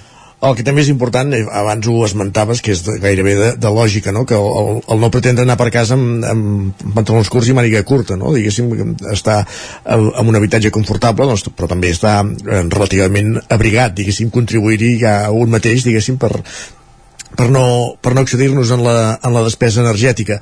Però l'altra eina important també és saber afinar el termòstat, no? Saber afinar la, la calefacció, és a dir, eh, moltes vegades és allò de ai, arribo a casa, tinc fred la, la disparo a 25 graus i llavors ja la baixaré quan d'allò o, o engego un radiador i el poso a 25 graus i quan estic calent el paro eh, és millor sempre tenir una temperatura estable de confort eh, que, la, que la màquina vagi funcionant per mantenir una temperatura i en tot cas quan arribes a casa pots apujar un 2 graus per, per arribar a aquesta temperatura més de, de confort, no? És, és correcte, amb matisos, eh? és, és totalment correcte, és dir, no, no, les màquines mai estan preparades, la gran majoria de màquines estan preparades per engegar de cop i per aignes. Les calefaccions, les calefaccions igual, eh?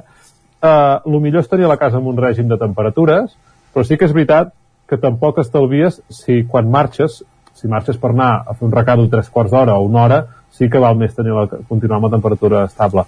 Però si realment eh, marxem a treballar per dues, tres hores i, i més, diguéssim, val la pena deixar caure la temperatura, no a zero, és a dir, no, no, si tenim la casa poc aïllada i parem la calefacció, quan arribarem estarem a 14 graus, i per tant remuntar de 14 a 20 hi haurà molta més pèrdua, però sí que podem, si, si diem que a casa estem bé a 20 graus, 19-20 graus, hauríem de dir 9, però segurament seran 20, sí que podem deixar caure la casa a 18 graus, hasta fins i tot a 17 si la tenim una mica aïllada. Uh, també és, és veritat que la, la sensació de que quan arribes a casa l'engegues i fas saltar aquests dos graus, també és més confortable perquè s'engeguen els radiadors, corre l'aire calent i et dona sensació de, de, de, de seguida, encara que estiguis a 19, potser et dona sensació d'estar una mica més alt. Mm -hmm. val? Uh, per tant, sí que és veritat que, que ens hauríem de moure un règim entre els 18 i els 20 graus, i, i 18, 20 graus, igual que la nit, la nit també la deixaríem caure fins a 18 graus, home. I també un, un dels grans consells és uh, treballar amb termòstats uh, digitals aquests que puguis fer programacions, eh? perquè el de rodeta, com dius, eh, oh, tinc fred, pum, 23 graus, ah, tinc calor, pum, paro. I això és una despesa energètica, al final, perquè moltes vegades se'ns queda encès. Si en canvi podem fer una programació i tens un digital que et dius, mira, cada dia sé que vull que se m'engegui a les 7 del matí perquè quan em llevo eh, estic una mica més calent a la casa, doncs l'engegues a 7 a 9. Després, eh, de, de les 12 de la nit a les 7 a 18 graus.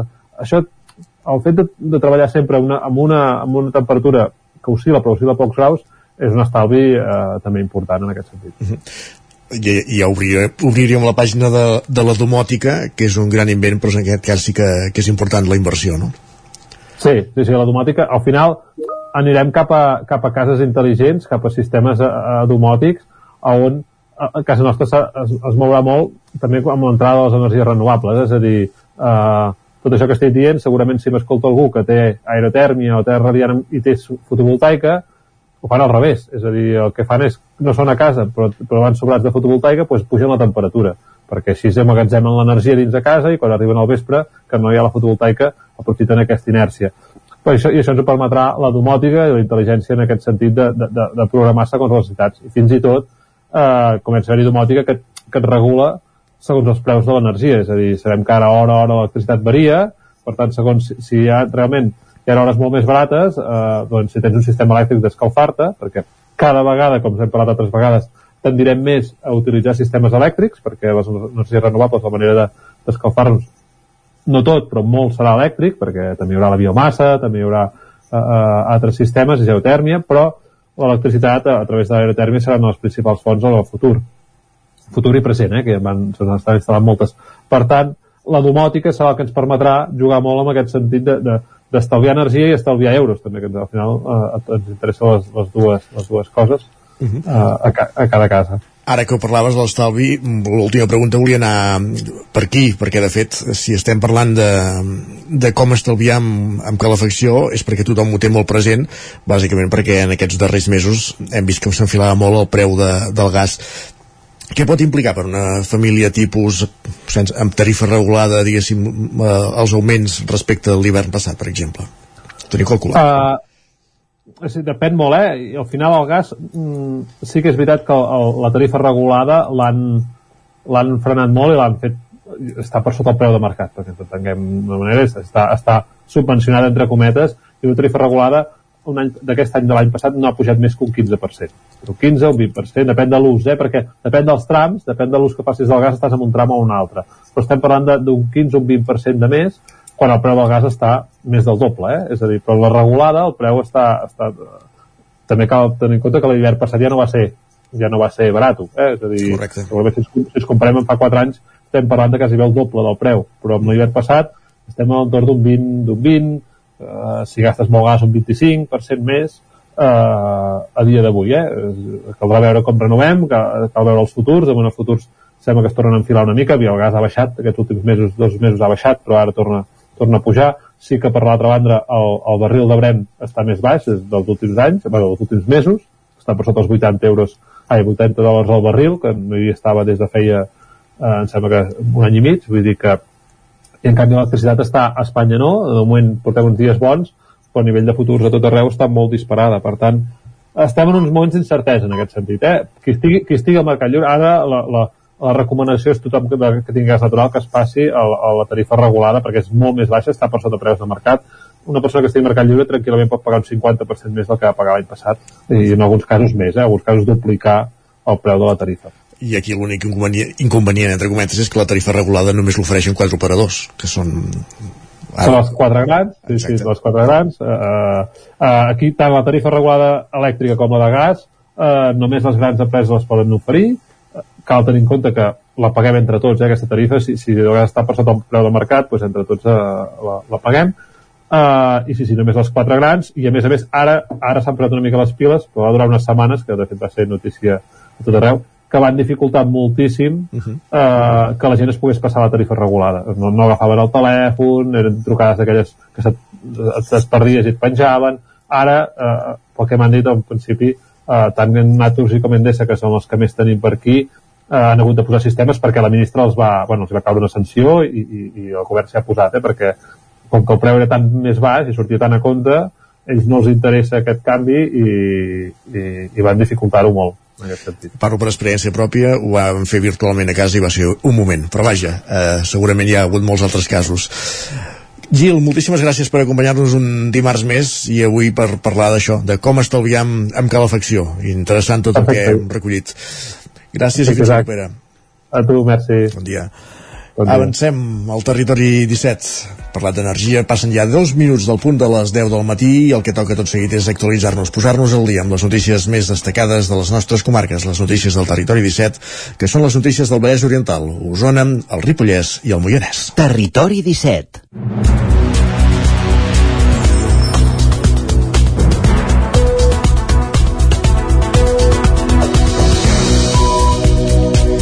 Us expliquem a aquesta hora que l'Ajuntament de Granollers controlarà els fanals del centre de la ciutat a través de Bluetooth, una mesura que segurament també contribuirà, com dèiem ara amb en Gil Salvans, a, a l'estalvi.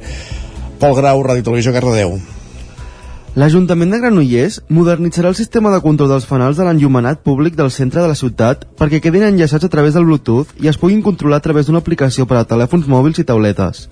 D'aquesta manera, es modernitzarà el sistema via ràdio, que ha anat quedant obsolet. Ara és el moment de fer una migració cap als sistemes de gestió més ràpids, amb més possibilitats i més universals. Recull el projecte per a la regulació punt a punt de l'enllumenat del centre de Granollers. El sistema Bluetooth teixeix una xarxa d'emissores i receptors i permet arribar a tots els fanals. Ja s'ha provat per governar algun enllumenat ornamental i de la via pública i els resultats són força satisfactoris, segons recull l'informe tècnic municipal. El sistema de controlador punt a punt es pot instal·lar a qualsevol llumenera, tant les tradicionals com les noves de LEDs. Té l'avantatge que, si un fanal deixa de funcionar, no afecta la resta. En tots dos tipus, permet encendre i apagar. I en el cas dels LEDs, pot regular la potència de la il·luminació i ajustar colors i temperatures de la llum. A més, es poden fer grups de llumeneres per actuar-hi conjunt, però també fer-ho en fanal a fanal. Això, per exemple, permet adequar l'enllumenat a les necessitats d'actes culturals que es fan a carrers i places. També es poden aplicar mesures d'estalvi energètic d'acord amb una major o menor freqüència dels carrers. El consistori ha obert el procés de contractació de l'empresa que farà els treballs de modernització del sistema de control de l'enllumenat. La inversió ronda els 100.000 euros i es dona un termini a 3 mesos per implementar aquest nou model un cop s'hagi formalitzat el contracte. Gràcies, Pol. Anem cap al Ripollès perquè la capital, Ripoll, posa a la venda 6 parcel·les de l'urbanització de la Torre per destinar-les de, per destinar-ne els diners a rehabilitar pisos del barri vell. Isaac Muntades, la veu de Sant Joan. L'Ajuntament de Ripoll va aprovar l'alineació de sis parcel·les del patrimoni municipal del sol i habitatge del sector de la urbanització de la Torre, un punt que va generar molt debat en el darrer ple del consistori que va rebre els vots en contra del PSC, les abstencions de la CUP i els vots positius de l'equip de govern, Esquerra Republicana i la regidora no adscrita Sílvia Oriols. El regidor d'Habitatge, Joan Maria Roig, explicava que són parcel·les que tenen un cost d'entre 42.000 i 61.000 euros i va explicar la doble finalitat d'aquesta acció. Creiem que és important poder dinamitzar aquesta zona que ja fa 10 anys que està urbanitzada i en aquests moments encara no trobem que s'hagin produït suficients construccions, permetrà que diferents famílies del nostre municipi o que tenen interès posar la seva vida habitual aquí al municipi de Ripoll tinguin més facilitats per poder-hi accedir. I l'altra finalitat és que l'Ajuntament de Ripoll estarà en disposició de portar a terme altres polítiques d'habitatge que ja hem emprès en els darrers anys i que fonamentalment el que volen és que el barri vell tingui habitatges que puguin ser d'ús per diferents persones, ja siguin més de caràcter social, ja siguin joves, ja siguin persones d'avançada edat. El portaveu del PSC, Enric Pérez, va subratllar que Ripoll té un problema amb l'habitatge i que es podria haver fet molt més perquè ja estava planejat així.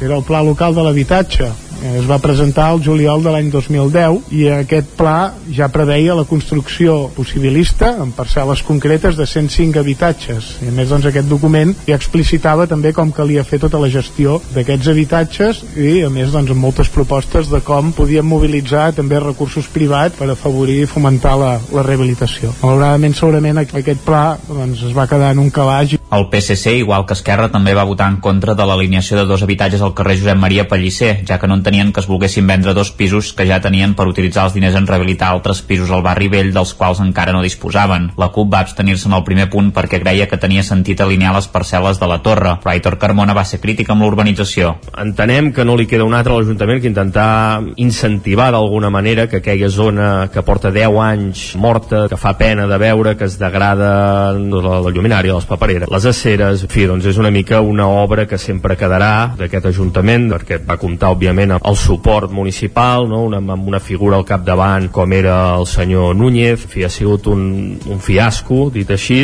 L'alcalde Jordi Monell va recriminar-li a Carmona que ara es queixessin que l'Ajuntament volgués destinar els diners de les vendes de les parcel·les al barri vell. Monell va recordar que fins ara no hi havia prou diners per rehabilitar pisos, però que ara han rebut 1,5 milions d'euros dels fons Next Generation per fer-ho. Carmona va replicar-li que el barri vell no podia acollir tot l'habitatge social de la vila i que s'havia de diversificar perquè no acabés convertint-se en un gueto. I del Ripollès de Ripoll cap a Mollà, el Moianès, a Vic Mollà, l'Associació de Comerciants posa en funcionament, un, en funcionament una nova targeta de fidelització.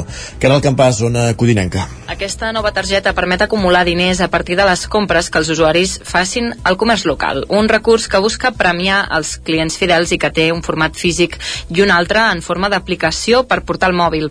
Ana Formosa és la presidenta de l'AVIC de Mollà. Bàsicament és una targeta de fidelització que fem tots els comerciants adherits a l'àvic de Mollà. Tot això va lligat amb una app que ens podem descarregar en el mòbil, et pots inscriure tant físicament i tenir la targeta com a tenir-la al mòbil i llavors et permet doncs, anar als establiments i tenir una gratificació que més endavant et podràs descomptar en el mateix comerç. A l'aplicació també es poden utilitzar altres funcionalitats com ara una agenda cultural o un portal per seguir l'actualitat de les entitats del poble. Formosa explicava que de mica en mica l'aplicació aniran tenint més avantatges. En aquest moment doncs, es pot veure l'agenda del poble, també tenim un apartat d'entitats doncs, que a mica en mica doncs, intentarem anar omplint i diem també si podem aconseguir doncs, que amb la propera obertura del pàrquing de Mollà doncs, també poder passar-hi algunes eh, bonificacions o tiquets perquè el client es pugui beneficiar doncs, d'unes hores extres al pàrquing. Tant la targeta com l'aplicació són d'accés lliure i la poden obtenir veïns de Mollà o d'altres pobles. Tot i estrenar-se a les portes de la campanya de Nadal, la targeta Mollà Activa arriba per quedar-se amb l'objectiu de ser un recurs d'ús habitual als clients del comerç local. Gràcies, Caral més qüestions, una d'aquelles notícies que no ens agrada donar, un nadó mor a Vic a causa d'una parada cardíaca mentre passejava per la ciutat amb la seva família. Sergi Vives. Segons ha pogut saber el 9-9, la nena de 15 dies va ser atesa a la plaça Major pels serveis d'emergència. Els equips que van poder actuar ràpidament perquè estaven mobilitzats arran del mercat medieval van fer tot el possible per mantenir-la en vida. Va ser traslladada en helicòpter fins a l'Hospital de la Vall d'Hebron de Barcelona on va acabar morint al cap d'unes hores. Fins al lloc lloc dels fets s'hi va desplegar quatre ambulàncies del sistema d'emergències mèdiques, la Guàrdia Urbana i els Mossos d'Esquadra. Tot apunta a una mort sobtada que es produeix per una parada cardíaca de manera inesperada, inesperada en una persona que aparentment està sana. Més qüestions. Obrim pàgina cultural. En veu pròpia és el projecte impulsat per la dramaturga manlleuenca Martina Cabanes a través d'un taller d'expressió. Ha ajudat els alumnes de quart d'ESO de l'Institut Antoni Pous de Manlleu a crear cinc històries de ficció que han acabat gravant en format podcast.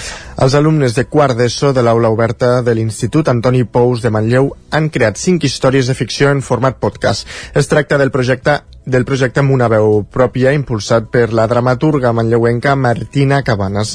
Eva Font és la regidora de Cultura i Marca, i Marc Casas, un, una professora de l'institut. Un dia la Martina Cabanes ens va proposar un projecte eh, i era aquest, no? que a través de dels alumnes de l'institut poder fer escriure aquestes històries, anar més enllà no només era fer un programa sinó també que tot això es pogués gravar i pogués convertir-se en podcast i fer-ho com un projecte més professional. Per tant, ens encaixava totalment. Per nosaltres també, com a docents, és un, un procés d'aprenentatge d'altres maneres de treballar o d'altres maneres d'enfocar eh, la feina que fem nosaltres des d'aquesta visió i aquestes eines del teatre que ens han semblat super enriquidores. Estic super orgullosa de la feina que han fet els alumnes i les alumnes perquè jo ho dic, no? Quan escolto els podcasts penso, bueno, és que això parteix de zero totes les històries són diferents i s'hi descriuen les seves inquietuds, les seves pors, les seves ambicions. De fet, el projecte recolza en la idea que per formar part d'un grup tothom ha de tenir el dret i la capacitat de tenir una veu pròpia. Això ho explicava la directora del projecte, Martina Cabanes. Per ser ciutadà has de tenir dret a la paraula i a la llibertat d'expressió, però és bàsic també tenir la capacitat de poder-se expressar.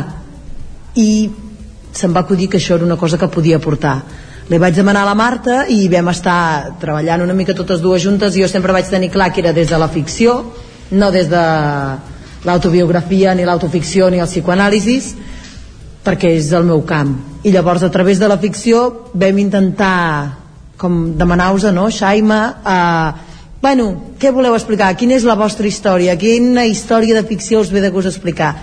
En total han estat treballant durant dos mesos a través de 12 sessions d'un taller d'expressió. Un cop acabades les històries, les van gravar a Ràdio Manlleu. Hajar, Irzi, Chaima, Irzi i Nil Rafa són tres alumnes de l'aula oberta de l'institut. El projecte ens ha agradat molt, ha estat molt xulo a l'hora de fer, uh, realitzar l'activitat. Uh, hem après molt i ens han ajudat molt a desenvolupar-nos a la nostra o sigui, expressar-nos i desenvolupar-nos. Una de les activitats va ser anar cap a la ràdio a gravar la nostra veu i ens va semblar molt guai també a l'hora d'afegir-li sos i va sortir molt bé. O sigui, ells ens van donar, ens han donat indicacions, ens han explicat com fer-ho tot i nosaltres sols, amb, amb una mica d'ajuda, hem, hem anat fent tota la història i que, o sigui, que també quan vam anar a la ràdio a explicar-ho que va ser una experiència molt, molt divertida tots els podcasts es poden escoltar a través de l'e-box de Ràdio Manlleu. Mor als 72 anys a causa d'un vessament cerebral Llorenç Soldevila, escriptor i estudiós de la literatura catalana. Nascut a Monistrol de Montserrat i veí d'Argentona, la seva pèrdua ha causat una forta consternació a Osona, on havia estat molt vinculat com a professor de la Universitat de Vic i com a estudiós de Jacint Verdaguer. La mort sobtada de Llorenç Soldevila als 72 anys va sorprendre dissabte al matí al món cultural català i en particular al d'Osona, on Soldevila havia estat molt vinculat com a professor de la Universitat de Vic des de l'any 2005 i fins la seva jubilació, el 2018. Escriptor i estudiós de la literatura catalana, feia mig any que havia culminat el projecte més ambiciós de la seva trajectòria, la geografia literària dels països catalans.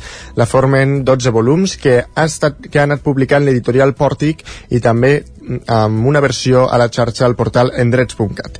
Per elaborar aquesta col·lecció que Soldevila havia començat l'any 2009, ell mateix havia recorregut pobles i ciutats buscant indrets que es poguessin relacionar amb obres d'escriptors. Tot això ho explicava en una entrevista al programa Quatre Paraules del Nou TV l'any 2019 quan s'havia publicat el nou àlbum. Interrelacionar autors i paisatges i espais i fets, perquè és clar la geografia va més enllà de l'estricta descripció del paisatge perquè hi haurà patrimoni, hi ha art, hi ha història eh, fa possible que la literatura cartografiï el país de nord a sud i d'est i oest. De tal manera que es crea com una mena de connexions, de xarxes lligar, cohesionar socialment, lingüísticament, culturalment, aquest país que formem gent molt diversa, és evident, És eh, i evident. paisatges molt diversos, però la diversitat és enriquiment. La vinculació de Llorenç Soldevila amb Osona també estava relacionada amb la seva condició d'estudiós de Jacint Verdaguer. Formava part de la Societat Verdaguer i havia publicat diverses, es- diversos estudis sobre el poeta. Era, era també, a més, especialista en altres autors com Miquel Martí Pol, Josep Pla, Mercè Rodoreda o Baltasar Porcel.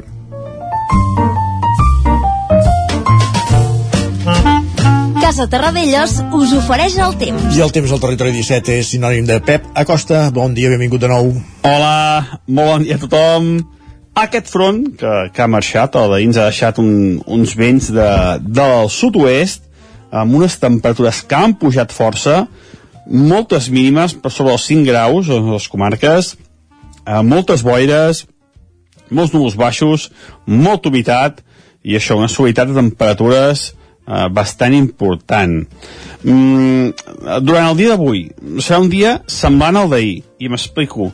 Uh, tindrem força clarians al matí, uh, alguns núvols, i ràpidament el cel es començarà a ennuvolar i de cara al vespre nit tornarà a passar un altre front.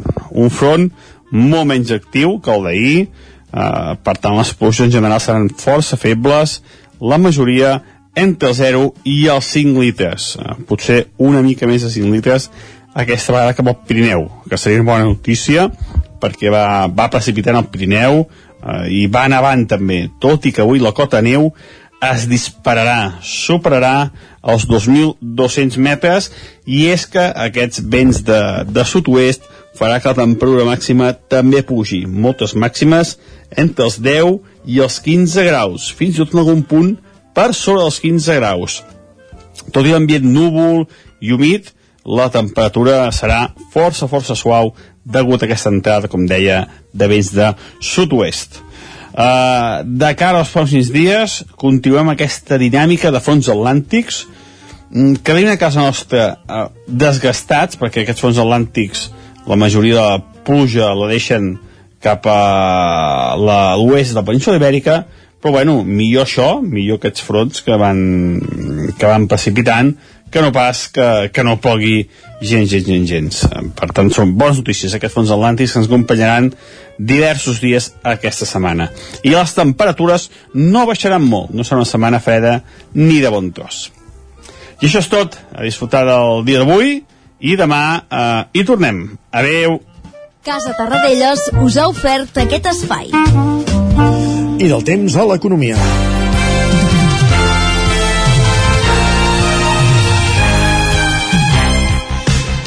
Dos minuts que passen d'un quart d'onze del matí. Saludem com cada dimarts en Joan Carles Arredondo, del cap del nou, del cap d'Economia del 9-9 del Vallès Oriental, per tractar aspectes d'actualitat econòmica. Joan Carles, benvingut, bon dia. Bon dia. De què parlem avui? Mm, volem fer una mica de repassada a una decisió que ha pres l'Ajuntament de Barcelona ah.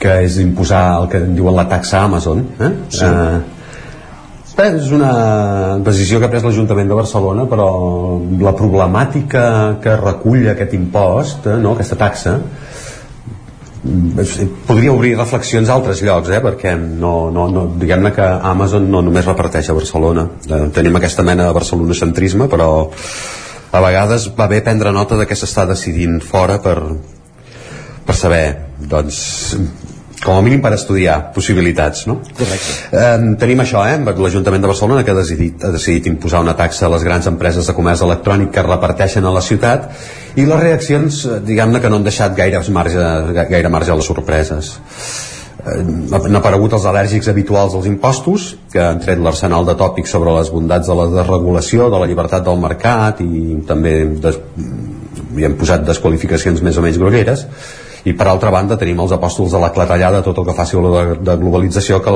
que estan aplaudint a cor que vols tenim aquí una nova demostració de- d'aquesta polarització social, d'aquest blanc-o-negre, d'aquesta absència de grisos i les interpretacions que es fan a partir a vegades de simples titulars que donen lloc a lectures esbiaixades i moltes vegades en posicions prefixades no? Per tant, intentarem posar una mica de fets, com a mínim, més enllà de, de possibles opinions, que també, també està bé, també està bé eh, tenir opinions, però, però moltes vegades han d'estar una mica basades en, en fets, no? Sí. I en tenim una, eh? que si les tramitacions de l'Ajuntament de Barcelona avancen, i tot apunten que, la, que, que hi ha la majoria perquè, perquè sigui així, a partir de l'any vinent, concretament del mes de març, les empreses que obtinguin és a partir del mes de març perquè hi ha tot un seguit de tramitacions entremig eh? una mica com funcionen diguem-ne els tot, tot, tot, tot, diguem, totes les administracions no? doncs això, eh? a partir d'aquest mes de març les empreses que obtinguin a la ciutat ingressos superiors a un milió d'euros per portar paquets a domicili hauran de pagar una taxa equivalent a un 1,25% de la facturació això és un fet Eh? El fonament de la decisió és que l'activitat d'aquestes empreses té un impacte a la ciutat en forma de trànsit addicional, de contaminació afegida, eh? per, per, per, per posar exemples de, quin, de, de, de, de, de quina mena d'impactes parlem, sense que facin una contribució que estigui a una alçada comparable a l'esforç que suposa per altres formes de comerç que sí que paguen impostos, eh? impostos de béns immobles, impost d'activitats econòmiques si facturen més d'un milió d'euros, com és el cas. Correcte.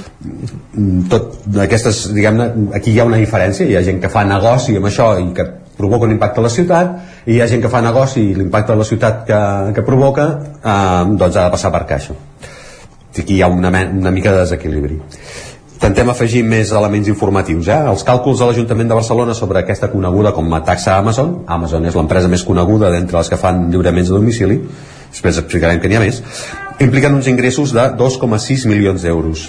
Són ingressos que provindrien de la taxa que s'imposaria a 26 operadors de comerç electrònic amb facturacions superiors al milió d'euros a la ciutat.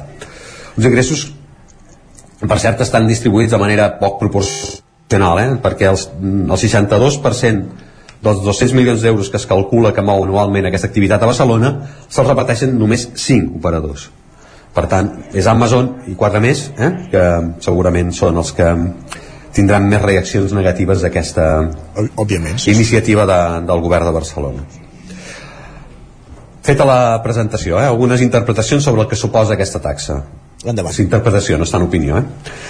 Barcelona és una, opinió, és una ciutat que presenta alguns problemes de mobilitat que s'agreugen si un nombre important de furgonetes no utilitza els carrers per fer repartiment de paquets que no sempre són precisament passats. Eh? A vegades, per poca cosa, diguem-ne, s'ha de mobilitzar furgonetes. Tenim, per tant, més congestió de trànsit en l'espai públic, més contaminació per i més contaminació per una activitat de venda de productes que no paga impostos, com sí que fan, com deien, els propietaris comercials amb l'IBI, els titulars de l'activitat per la taxa d'escombraries, l'IAE per, per diguem-ne que, que com un impost a la, a la facturació. En el fons, posar algun límit al comerç electrònic rere el qual hi ha generalment una gran corporació amb més capacitat per resistir imposicions fiscals hauria d'incentivar, almenys en teoria, el comerç presencial. No? Eh, aquest tipus de comerç, sobretot el que està situat en nuclis urbans, és, a més de generador d'activitat econòmica, eh, diguem-ne que té una repercussió social que va més enllà. No? Anar de compres és un fet diferent al fet d'anar a comprar. Eh, és també una forma de relació social, de trepitjar carrer, i si convé, una porta oberta a altres negocis com la restauració. Anar de compres comporta això. Anar comprant és, és una altra cosa. Eh? Quan, quan vas per necessitat segurament només vas a aquell fet, però anar de compres és, és una altra cosa i per tant estem parlant d'una activitat que genera més moviment social i econòmic més enllà del recollir el paquet a casa no? Les veus contràries a la iniciativa, a la iniciativa de l'impost, eh, apunten com a primer argument que la taxa l'acabaran pagant els usuaris perquè les empreses ho carregaran a la factura del comprador. Això és, diguem-ne, que una, eh, és una crítica habitual que es fa, eh? Correcte, quan sí, sí. algun, quan es posa algun impost a alguna activitat, diuen, no, això ho pagarà el comprador. En canvi no ens Aquest document és, és rebatible Sí, exacte, però, però és, és rebatible, eh? en primer lloc perquè la incidència d'un 1,25% en un impost és mm, relativament poc rellevant.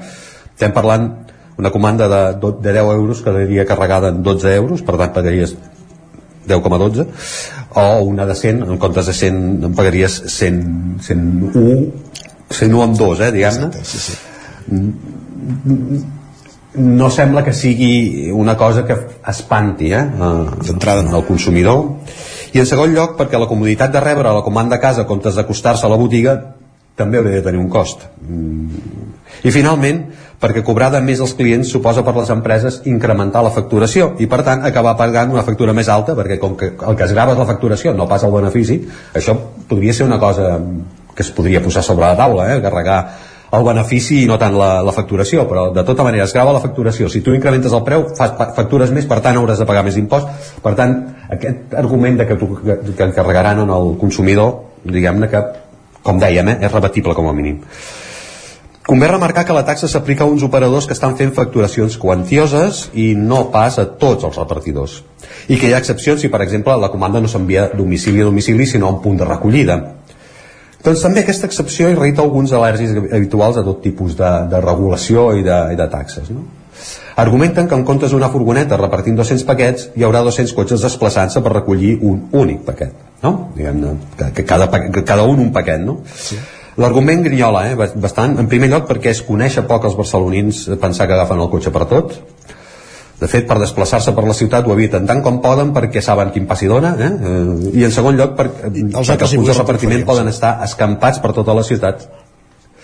Clar, és, és, és bastant complicat eh, dir això, eh? podien estar escampats per tota la ciutat i fer que aquests desplaçaments siguin més curts i probablement, per segons quines comandes, no calgui agafar cotxe.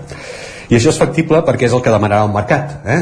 Aquests que estan tan ficats en el pensament liberal haurien de saber que això, que, que segurament el mercat demanarà coses, no? Amb la mesura que es preveu que entri en vigor, com dèiem, aquest mes de març, un cop fets els tràmits necessaris, Barcelona es convertirà en una ciutat pionera amb l'aplicació d'una taxa en la qual queden excloses les empreses que fan repartiments a altres negocis i sobretot les petites empreses locals que operen el que s'anomena última milla. Sobre aquesta modalitat de repartiment, eh, des d'un punt localitzat eh, fins, a la, fins al punt del domicili han aparegut moltes iniciatives que permeten deixar la furgoneta lluny del nucli urbà per aprofitar altres mitjans, com la bicicleta per fer l'últim repartiment. Aquesta és una modalitat més positiva des del punt de vista ambiental, genera nous models de negoci i evita monopolis de grans operadors. No es tracta tant de renunciar als avantatges de la tecnologia com d'aconseguir models menys contaminants i donar peu a més diversitat d'operadors. Vet aquí que fins i tot una taxa, eh, una cosa tan, eh, que pugui semblar tan, tan d'administració com una taxa, pot també acabar afavorint un mercat més lliure i per, aquí podria haver-hi un punt de consens entre liberals i partidaris de la regulació. Doncs hem aprofundit sobre la taxa Amazon que estudia l'Ajuntament de Barcelona, que vol aplicar l'Ajuntament de Barcelona i com bé deies a l'inici de, de la intervenció, tenint en compte que aquestes operadores operen a tot el territori, no és difícil imaginar que es pugui anar estenent en, altre, en altres punts. I hem aprofundit i hem explicat pros i contres. Gràcies Joan Carles una setmana més. Gràcies a vosaltres, bon dia. Bon dia i arribem a aquest moment, al punt de la pausa, després de l'actualitat econòmica amb en Joan Carles a Redondo. Fem una petita pausa i després ens acompanya ja en Guillem Sánchez amb les piolades i el territori dona, com cada dimarts aquí al Territori 17. Una pausa, 3 minuts, i tornem a ser aquí. Fins ara mateix. El nou FM, la ràdio de casa, al 92.8. Has d'organitzar un esdeveniment? A l'Ineixat lloguem les cadires, taules, plats, coberts, rams de flors i tota la decoració necessària per preparar qualsevol esdeveniment. Vine a buscar material per a festes, casaments, celebracions culturals, espectacles, concerts o reunions d'empresa i de família. Ens pots venir a veure al passeig de la Generalitat número 52 Baixos de Vic, buscar-nos a les xarxes o trucar-nos al telèfon 670 38 96 25. Ah, i també ens trobaràs a Girona. L'Ineixa tenim tot el que pots necessitar per fer-te la vida més fàcil. L'Ineixa us desitja unes bones festes. Has esperat que arribi el fred per comprovar si et funciona bé la caldera? No pateixis, a Casa Jové som especialistes en manteniment, reparació i revisió d'equips d'aigua calenta i calefacció, tant en l'ambient domèstic com industrial. Si tens una avaria, no ho dubtis. Som Casa Jové. Ens trobaràs al carrer Girona, número 9 de Vic i al telèfon 93 886 1596. Casa Jové, el teu servei tècnic de confiança. Arriba el Nadal i a l'Hiperbasar Liu ho trobaràs tot i a preus de fàbrica. Vine a conèixer la nova botiga Hiperbasar, la més gran de tot Vic. Ens trobaràs al carrer Torelló, 18 de Vic, al costat del Supeco, i al telèfon 672 62 15 33. Per a qui seria perfecte aquest piano de juguetos? Per a nens que donin la nota. I aquest maletí de pintura? Pels que volen pintar alguna cosa a la vida. Jugar és viure. I viure és jugar. Vine a la teva botiga Juguetos i emporta't el catàleg de Nadal. Juguetos. Queda molt per jugar. Juguetos. Passema, comercial de maquinària i utillatges amb més de 50 anys al vostre servei. Visiteu la nostra botiga i trobareu productes de gran qualitat. Passema, som al polígon Sot dels Pradals, al carrer Cervera 10 de Vic. Telèfon 93 885 32 51. Us desitgem bones festes. Bon dia, són les 9 al Territori 17. La Miquel Parella. Cada matí i durant dues hores t'acompanyem i et posem al dia de l'actualitat de casa nostra.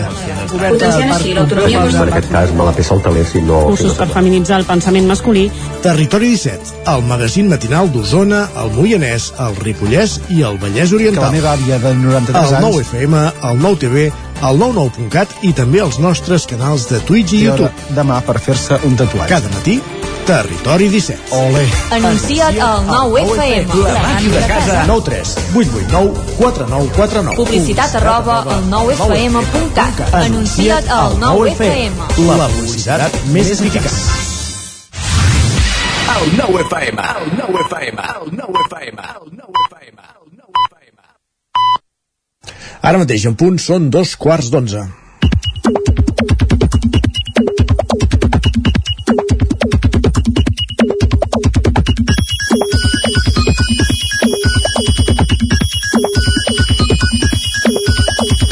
I qui ens acompanya a aquesta hora, ja ho veuen en pantalla els que ens veuen, uh, és en Guillem Sánchez. Benvingut, bon dia. Què tal, Isaac? Com ens trobem? Bé, i tu? Amb una mica de son, però, Sí? però bé, se Ah. m'han enganxat una mica els llençols avui. Avui jo no he sentit el despertador.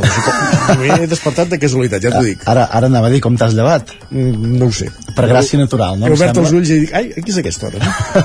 Allò que mires el rellotge i res és perquè no siguin les 11 ja del, del matí no te n'hagis uh, adonat. Correcte.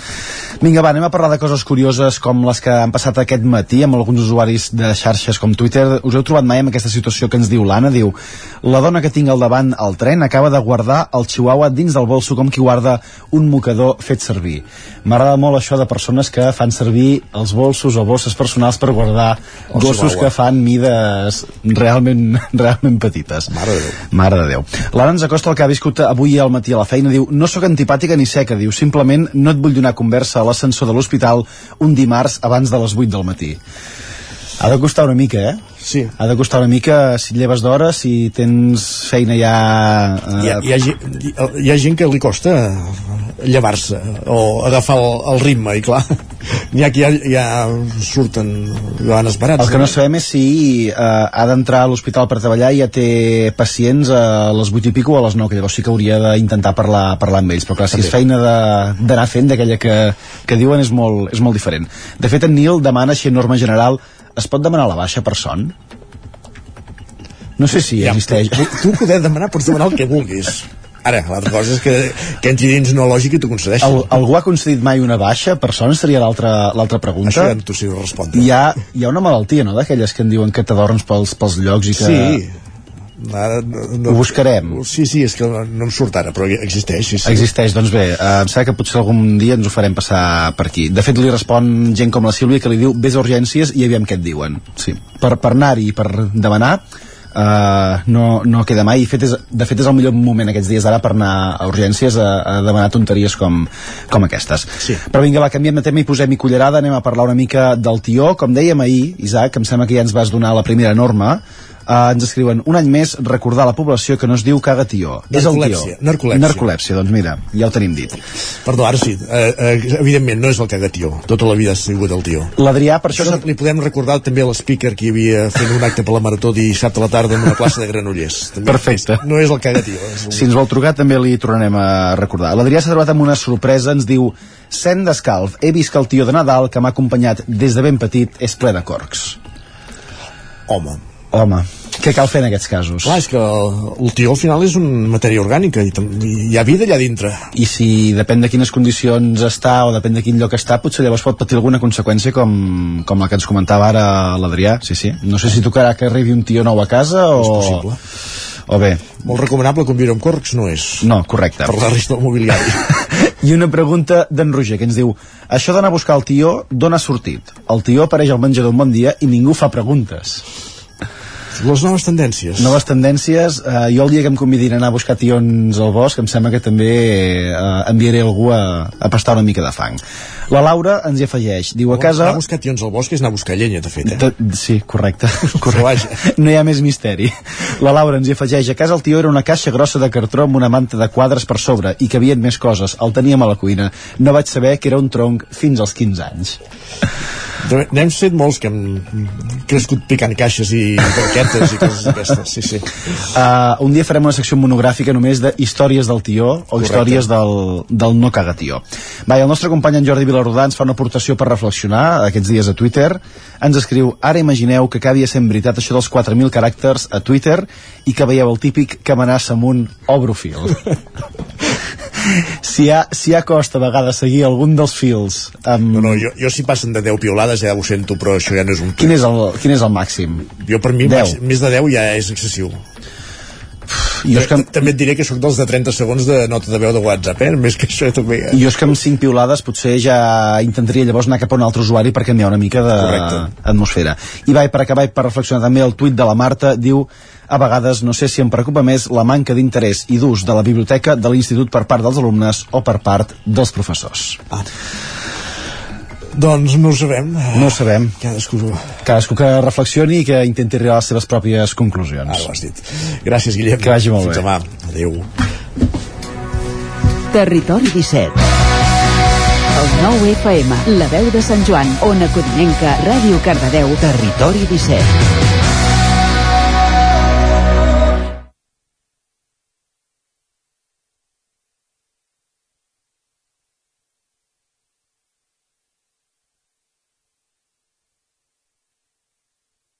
Bon dia. Molt bon dia, Isaac, com estàs? Bé, i tu? Molt bé, que m'agrada arribar amb aquests timbals de fons, Sí. sí. amb aquests timbals batalleros, perquè... Que ens anuncien la teva sabeu començar. Ens anuncien que venim amb, amb peu de guerra, per dir d'alguna manera, perquè comença un nou Territori Dona, la tertúlia aquesta de batalla que fem les companyes de Territori 17, amb la intenció de posar sobre la taula aquells debats diaris al voltant de la lluita feminista i del que ens porta l'actualitat. I com cada dimarts, per la nostra tertúlia, comptem amb les companyes d'aquí, de Territori 17, de la casa. Des del Nou Ràdio avui comptem per la tertúlia amb la Natàlia Peix. Bon dia, Natàlia. Hola, bon dia.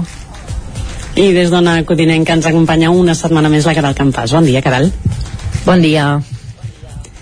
Doncs som-hi perquè el passat dissabte es commemorava el Dia Mundial per la Prevenció i Lluita contra l'Abús Sexual Infantil. Va ser el 19 de novembre de l'any 2000 que l'organització Women's World Summit Foundation van fer una crida a altres organitzacions dedicades al món de la infància i de la dona per fer una jornada de prevenció contra qualsevol abús físic, sexual o emocional que puguin patir els infants. L'objectiu era visibilitzar i posar mesures eficients i sostenibles per erradicar aquesta xacra social que ha estat històricament silenciada. Aproximadament, i quedeu-vos amb la xifra, un de cada cinc menors pateix algun tipus d'abús sexual. Les nenes, a més a més, tenen un risc major que els nens de patir-ne. Una de cada cinc, això vol dir un 20%. Si amb aquesta dada parléssim d'una malaltia, estaríem parlant d'una pandèmia mundial. Avui a la taula de Territori Dona parlarem de l'abús sexual infantil.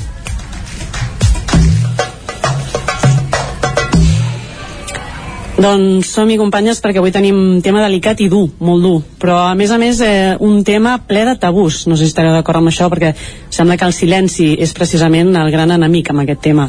Per això us he volgut portar el testimoni d'una persona que precisament va voler trencar amb tots aquests tabús, amb el seu silen- silenci, i va fer de la seva història personal una lluita. Avui us porto la història de la Carme Diavi. Ella eh, és realment testimoni d'una història de superació. Els abusos que va patir quan era menor la van marcar de per vida, però després de molta feina interior i amb l'ajuda de professionals ha aconseguit superar la depressió que va patir com a víctima. A partir d'aquí, la Carme va decidir dedicar tota la seva vida a informar i trencar aquests tabús al voltant d'un tema tan cru. Si us sembla, escoltem primer la seva història i després l'anem comentant. Doncs la meva història comença quan arribo aquí a Catalunya. La meva mare i el meu pare arriben aquí i van a viure un taller d'escenografia i quan tinc 5 anyets um, la meva mare li diu al meu pare que ja um, necessita estar amb la comunitat, amb les dones perquè el lloc on vivien estava molt allunyat com de la societat. I clar, meus pares econòmicament no s'ho podien permetre llavors van rellogar. I van trobar un noi molt maco un noi molt transparent, molt sensible. Bueno, en aquell moment ells no eren conscients de que canviaria la seva vida i que també la meva, no? Jo en aquell moment tinc 5 anys i aquesta persona decideix abusar de mi dels 5 als 12 quan tinc 18 anys començo a tenir depressió, a estar malament i un dia parlant amb la, a la meva mare com adoptiva diguem li dic que, que no estic bé i que m'han abusat passo sis anys de teràpia, m'empodero com a dona i al final doncs decideixo explicar la meva història a la meva família no? i també en un programa de televisió no? Jo no mai m'havia plantejat ser activista però jo vaig veure la necessitat o sigui la necessitat social de que s'hagi de parlar d'aquest tema la gent va ser més que res que em va impulsar a, a parlar més a inclús a xarxes no? Carme, i ara què faràs? i vaig dir, doncs mira, decideixo parlar més crear una campanya no? per visibilitzar i a partir d'aquí és com, vale, Carme què més pots fer? Així és com va començar la Carme la seva, la seva creuada personal, eh, convertint precisament la seva història personal.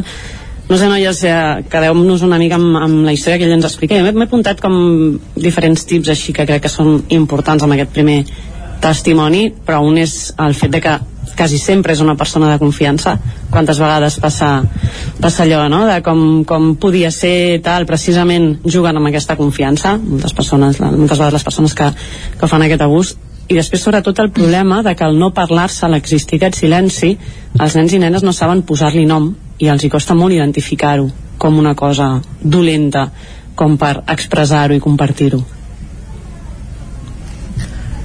Sí, el, les, les, les, les, en el món del teatre, llavors les dades diuen això. De fet, eh, un 80%, un 80 dels casos d'abusos a menors, doncs les dades de la Fundació Vicky Bernadet són d'agressors del seu entorn, tant sigui de l'àmbit familiar com d'educadors o de monitors. Per tant, és una dada també que fa posar els pèls de punta. I jo penso que la primera reflexió que ens hem de fer tots plegats bueno, primer com pot ser que passin aquestes coses no? però segona, que tots hem de pensar que això pot passar a casa nostra diguem és a dir que, que ho hem de contemplar com a opció perquè és un tipus d'abús molt difícil de detectar, com, com comentaves tu, Maria, i que si no pensem que també ens pot passar a nosaltres, encara és més difícil de detectar, no? Si ja d'entrada mm, no ho contemplem com una opció, doncs eh, difícilment podrem, podrem saber-ho. I l'altra qüestió en relació a la prevenció és que s'ha de fer molta feina amb, amb els infants una feina que passi doncs, per, pel coneixement del propi cos, pel coneixement d'això, de, del, dels límits, de parlar d'aquestes qüestions, de crear climes de confiança, entenc, i de que si es produeix una situació d'aquest tipus doncs sigui més, més fàcil que l'infant doncs, eh, en pugui parlar o pugui emetre algun senyal que, que des, de, no, des dels pares o des, de l'entorn es pugui entendre també. Sí, la falta de posar-hi nom és moltes vegades això, no? El, el, aquesta dificultat per identificar i després que moltes vegades es juga també en allò de dir que és un secret, no? I que i els nens aquest xic de que han de guardar un secret també el viuen com molt, molt endins, no? Sí, sobretot això, no? Poder s'ha de de posar l'èmfasi o el focus en, en els drets, explicar als infants que tenen uns drets i quins són aquests drets, no? Els drets això, el respecte al propi cos, el, el respecte a l'espai vital, a la intimitat, que són qüestions que, és veritat, moltes vegades amb, amb els nens es defugen, no? D'entrada són qüestions que no, que no en volem parlar, perquè a vegades també són complicades d'abordar. Però, clar, mm, no parlar-ne, doncs, llavors pot tenir una, unes altres conseqüències. Jo crec que se'ns fa tan, tan gran i tan dur el tema que d'entrada parlar-ho amb, un, amb un infant ja és com que suposo que més volem d'alguna manera salvaguardar no? aquest entorn, aquesta bombolla de, de món feliç, que parlar-los d'una cosa tan, tan dura tot i que sí, en, en, en el seu benefici d'alguna manera per poder detectar qualsevol situació ostres, es fa, es fa, es fa bola, eh? es fa complicat. Jo com a mare és un tema que se'm, se'm fa complicat tractar directament amb els meus fills. No sé, Caral, com ho veus tu? Sí, jo penso que és una cosa, clar, jo no puc parlar com a mare, però sí que crec que és una cosa que s'hauria de treballar des de, des de ben petit, sobretot la qüestió del consentiment, potser no tant um, uh, específicament explicar que, que existeix l'abús infantil, l'abús sexual infantil, però sí que crec que s'han de treballar eh, qüestions com el consentiment, com els genitals propis, com que són una cosa que només el papa i la mama doncs, et poden tocar eh, si t'han de netejar i, i fer-los eh, conscients d'això, de, de que, que això és propi seu i del, del, del consentiment, no? de què és el consentiment jo crec que potser com, com a, a través de, del, del dia a dia ja no cal, eh? ja et dic que no crec que s'hagi de tenir una xerrada així um, com molt sèria, però sí que crec que a través del dia a dia s'han de, de fer conscients els infants de, de, un, de, de dir dels seus límits i també fins i tot amb, amb gestos més petits com allò típic de ai sí, dona-li un petó a la tieta o ai, dona-li un petó no, això jo crec que és una cosa que, uh, que abans es feia molt potser, però que sí que s'hauria de, de deixar de fer i, i que, que mica en mica la societat cada vegada és més conscient d'això, eh? però són com ge petits gestos que al final uh, ja, ja us dic, no és u, u, una xerrada sobre doncs, tots els conceptes més explícits, però sí que, que cal anar, anar fent petits passets jo crec, i en edats molt uh, doncs això molt des de ben petits. I alhora volia comentar sí, volia comentar també que hi ha una feina important dels espais d'educació en el lleure. Jo aquí sí que hi puc parlar en propietat perquè he sigut monitora d'un espai durant molts anys i cada vegada um, hi ha més consciència d'això i es fan formacions sobre aquesta qüestió, també en Vicky Bernadet per, uh, per cert, i crec que és alguna cosa que hauria d'estar a l'ordre del dia uh, no, no cal que passi res per, no, per formar-nos, jo crec que, que tots els educadors en el lleure i a les escoles haurien de, de saber doncs, identificar um, quan un nen pot estar passant una situació així i a l'escola, no? Si També, segurament Ah, l'escola mm -hmm. també és un altre Totalment, àmbit Natàlia. on, on s'ha de treballar en aquest sentit. Mm. Totalment. Deia que si us sembla us seguir explicant la història de la Carme, perquè ella a partir d'aquí un cop d'alguna manera um, surt d'aquesta depressió, ella fa el que anomena sempre un canvi de xip que és un canvi que la va portar com a dona ja empoderada a fer servir precisament la seva lluita amb un objectiu més definit. Va ser el de posar nom al que li havia passat per tal que la resta d'infants tinguin clares aquestes dues coses. Primer, això no està bé i segon, si et passa ho has d'explicar. La Carme va començar en el seu moment amb la campanya Una de cada cinc que va tirar endavant amb altres víctimes d'abús l'any 2020 va ser guardonada com a Vallesana de l'any a través dels vots de la ciutadania del Vallès precisament per la seva tasca contra l'abús infantil i recentment ha creat la seva pròpia fundació amb aquest mateix objectiu. Més enllà encara, aquest any la Carme ha tirat endavant l'obra de teatre Darrere la porta, on juntament a l'Òscar Orbezo explica la seva pròpia història. Des de petita m'he criat en el món del teatre, llavors vaig pensar, a veure què podem fer amb això, no? També és veritat que des de l'art també arribes molt més, no? És com... no és tan escabrós. Vaig parlar amb l'Òscar, ell fa molts anys que es dedica al teatre, i, i em va dir, ostres, doncs podem escriure un guió i a veure què passa. Va ser per mi un repte, perquè, clar, era posar paraules a tot el que havia passat i, a més, interpretar-ho amb l'Òscar, que moltes vegades ell no? té un personatge de l'agressor llavors jo havia de veure un altre cop la, aquesta figura, no? I per mi ha sigut molt terapèutic de dir, ostres, és que el tinc davant. No, no és ell, però el tinc davant. És una obra, jo crec que empoderadora. Cada vegada que l'hem fet, la gent surt eh, molt contenta i es crea una comunitat. Per exemple, al Teatre Polinama van sortir quatre víctimes explicant el que havia passat i moltes d'elles van anar amb les seves famílies o amics. I van agrair a les seves famílies davant de tothom. A l'entorn de confiança que es crea és, és increïble. Heavy eh, per part de la Carme haver-se de posar a reviure la seva història, tot i que sigui amb un, amb un actor i a més a més importantíssim aquesta part de teràpia i, i la part aquesta de comunitat que es crea quan interpreten l'obra on surten altres, altres víctimes, no? com ens explicaven el cas del, del poliorama. A partir d'aquí, la Carme tampoc ha deixat de fer xerrades escoles i instituts i destaca especialment la reacció dels infants davant una història tan crua com la seva. És molt complicat, no?, quan tens algú davant i t'està explicant a mi m'ha passat això, no? Segons la Carme, un dels principals problemes que arrossega aquesta lluita és el silenci que es genera és un tema que, com deia, o sigui, incomoda molt a la gent. Inclús a vegades estic a classes amb nens i els dic, fixeu-vos que quan explica la meva història us heu callat tots hi ha un silenci i, clar, i ells mateixos se n'adonen del silenci i dic, per què? perquè impacta, incomoda no? és com que no saps què dir i aquest silenci és un silenci social no estem acostumats a que supervivents ens expliquin les seves vivències és que jo estic aquí he viscut moltes coses no? tinc 29 anys però porto una vida de superació i això que crec que és un missatge que l'obra dona no? a dir, aquí estic aquí estic Aquí estic, em deia la Carme quan la vaig entrevistar, dient me n'he sortit, se'n pot sortir també d'això, però tant de bo ningú ho hagi de viure mai més. I aquestes eren les, les paraules que em deia i la veritat que increïble la, la Carme i tota la lluita que està fent, agafant la seva pròpia motxilla i, i evitant omplir-ne d'altres no? no sé com, com heu viscut aquest testimoni que us he portat avui Saps que es crea el silenci, eh? Que parlàvem que du, que du enemic, que és el silenci. Natàlia, com ho veus? Sí, és colpidor. Uh, aquí al Nou TV també vam tenir ocasió d'entrevistar-la, la, la Carme, quan va guanyar el, el Premi de, de Bellesana de l'any. I el que pensava és això, que, i, i ella és, ha sigut capaç no, d'explicar-ho i, i de fer-ne també un, un motiu eh, per superar-ho i per explicar-ho a altres persones i per fer prevenció en aquest sentit.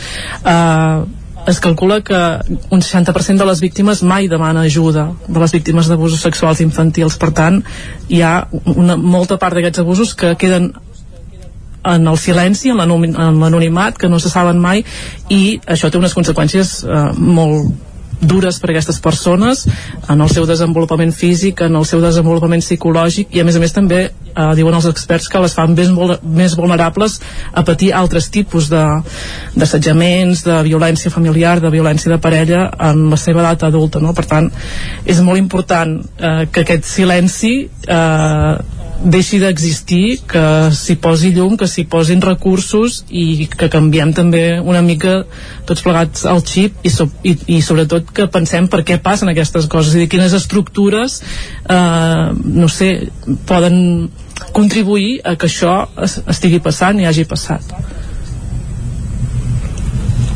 Caral, no sé si has tingut tu l'oportunitat de, de conèixer la Carme també o què t'ha semblat el seu testimoni? Sigui, jo no, no la conec, però sí que en el seu moment vaig llegir doncs, els articles que se'n van fer al diari, el programa on ella va participar, alguna, algun tros l'he vist.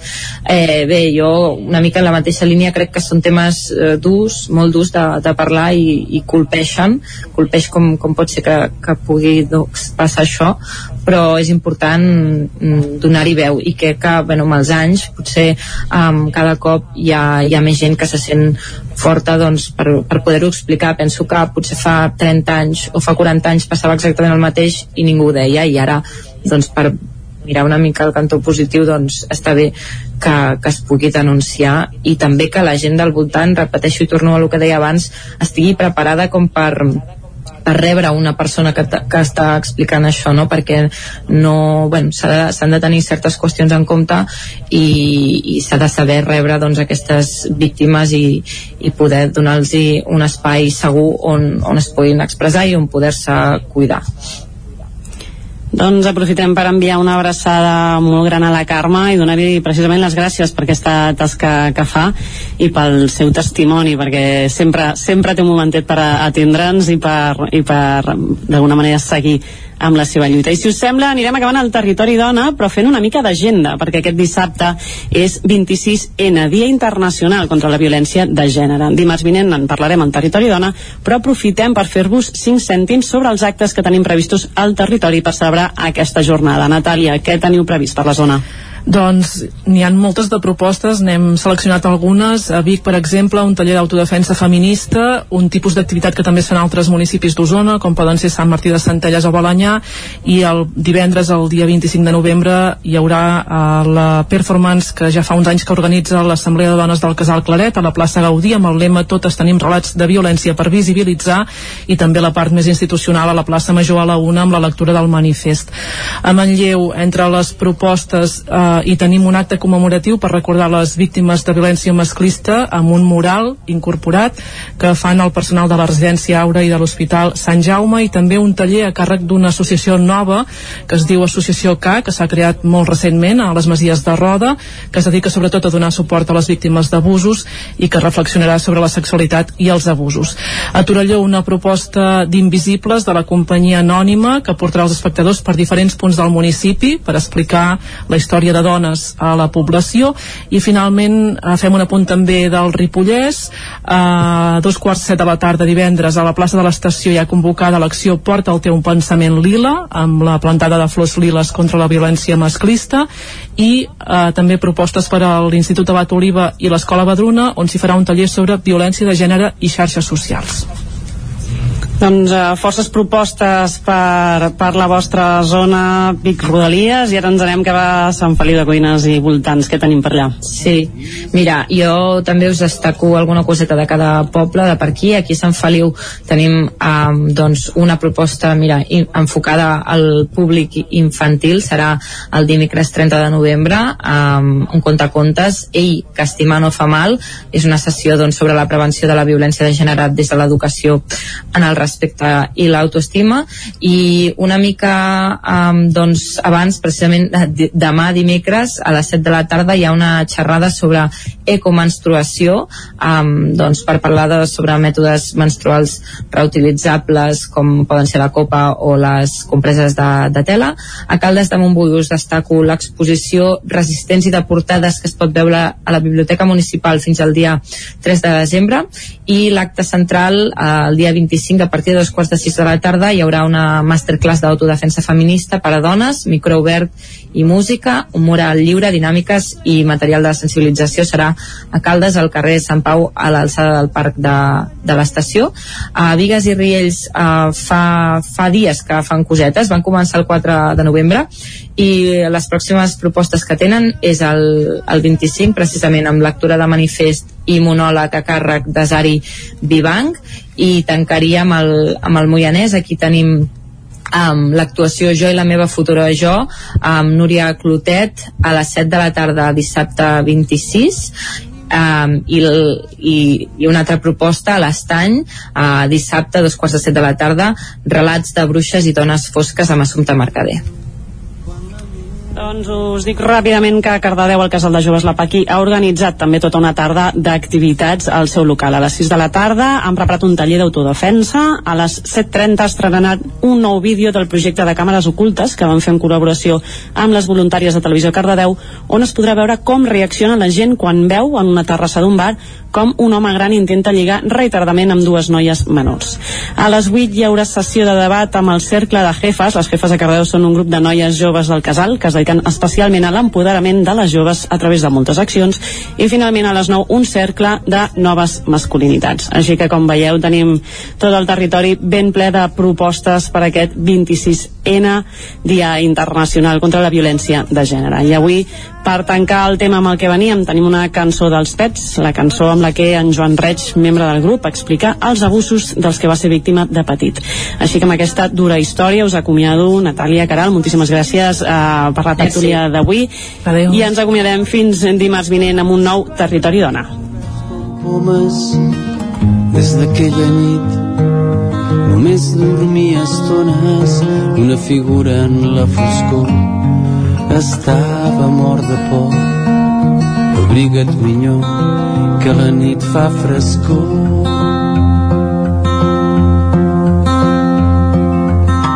Com un àngel caigut que regnava en les tenebres cap al tard sortir de dins d'un cel de pedres lluint les ales del pecat damunt la negra vall restant amagat silent en el branc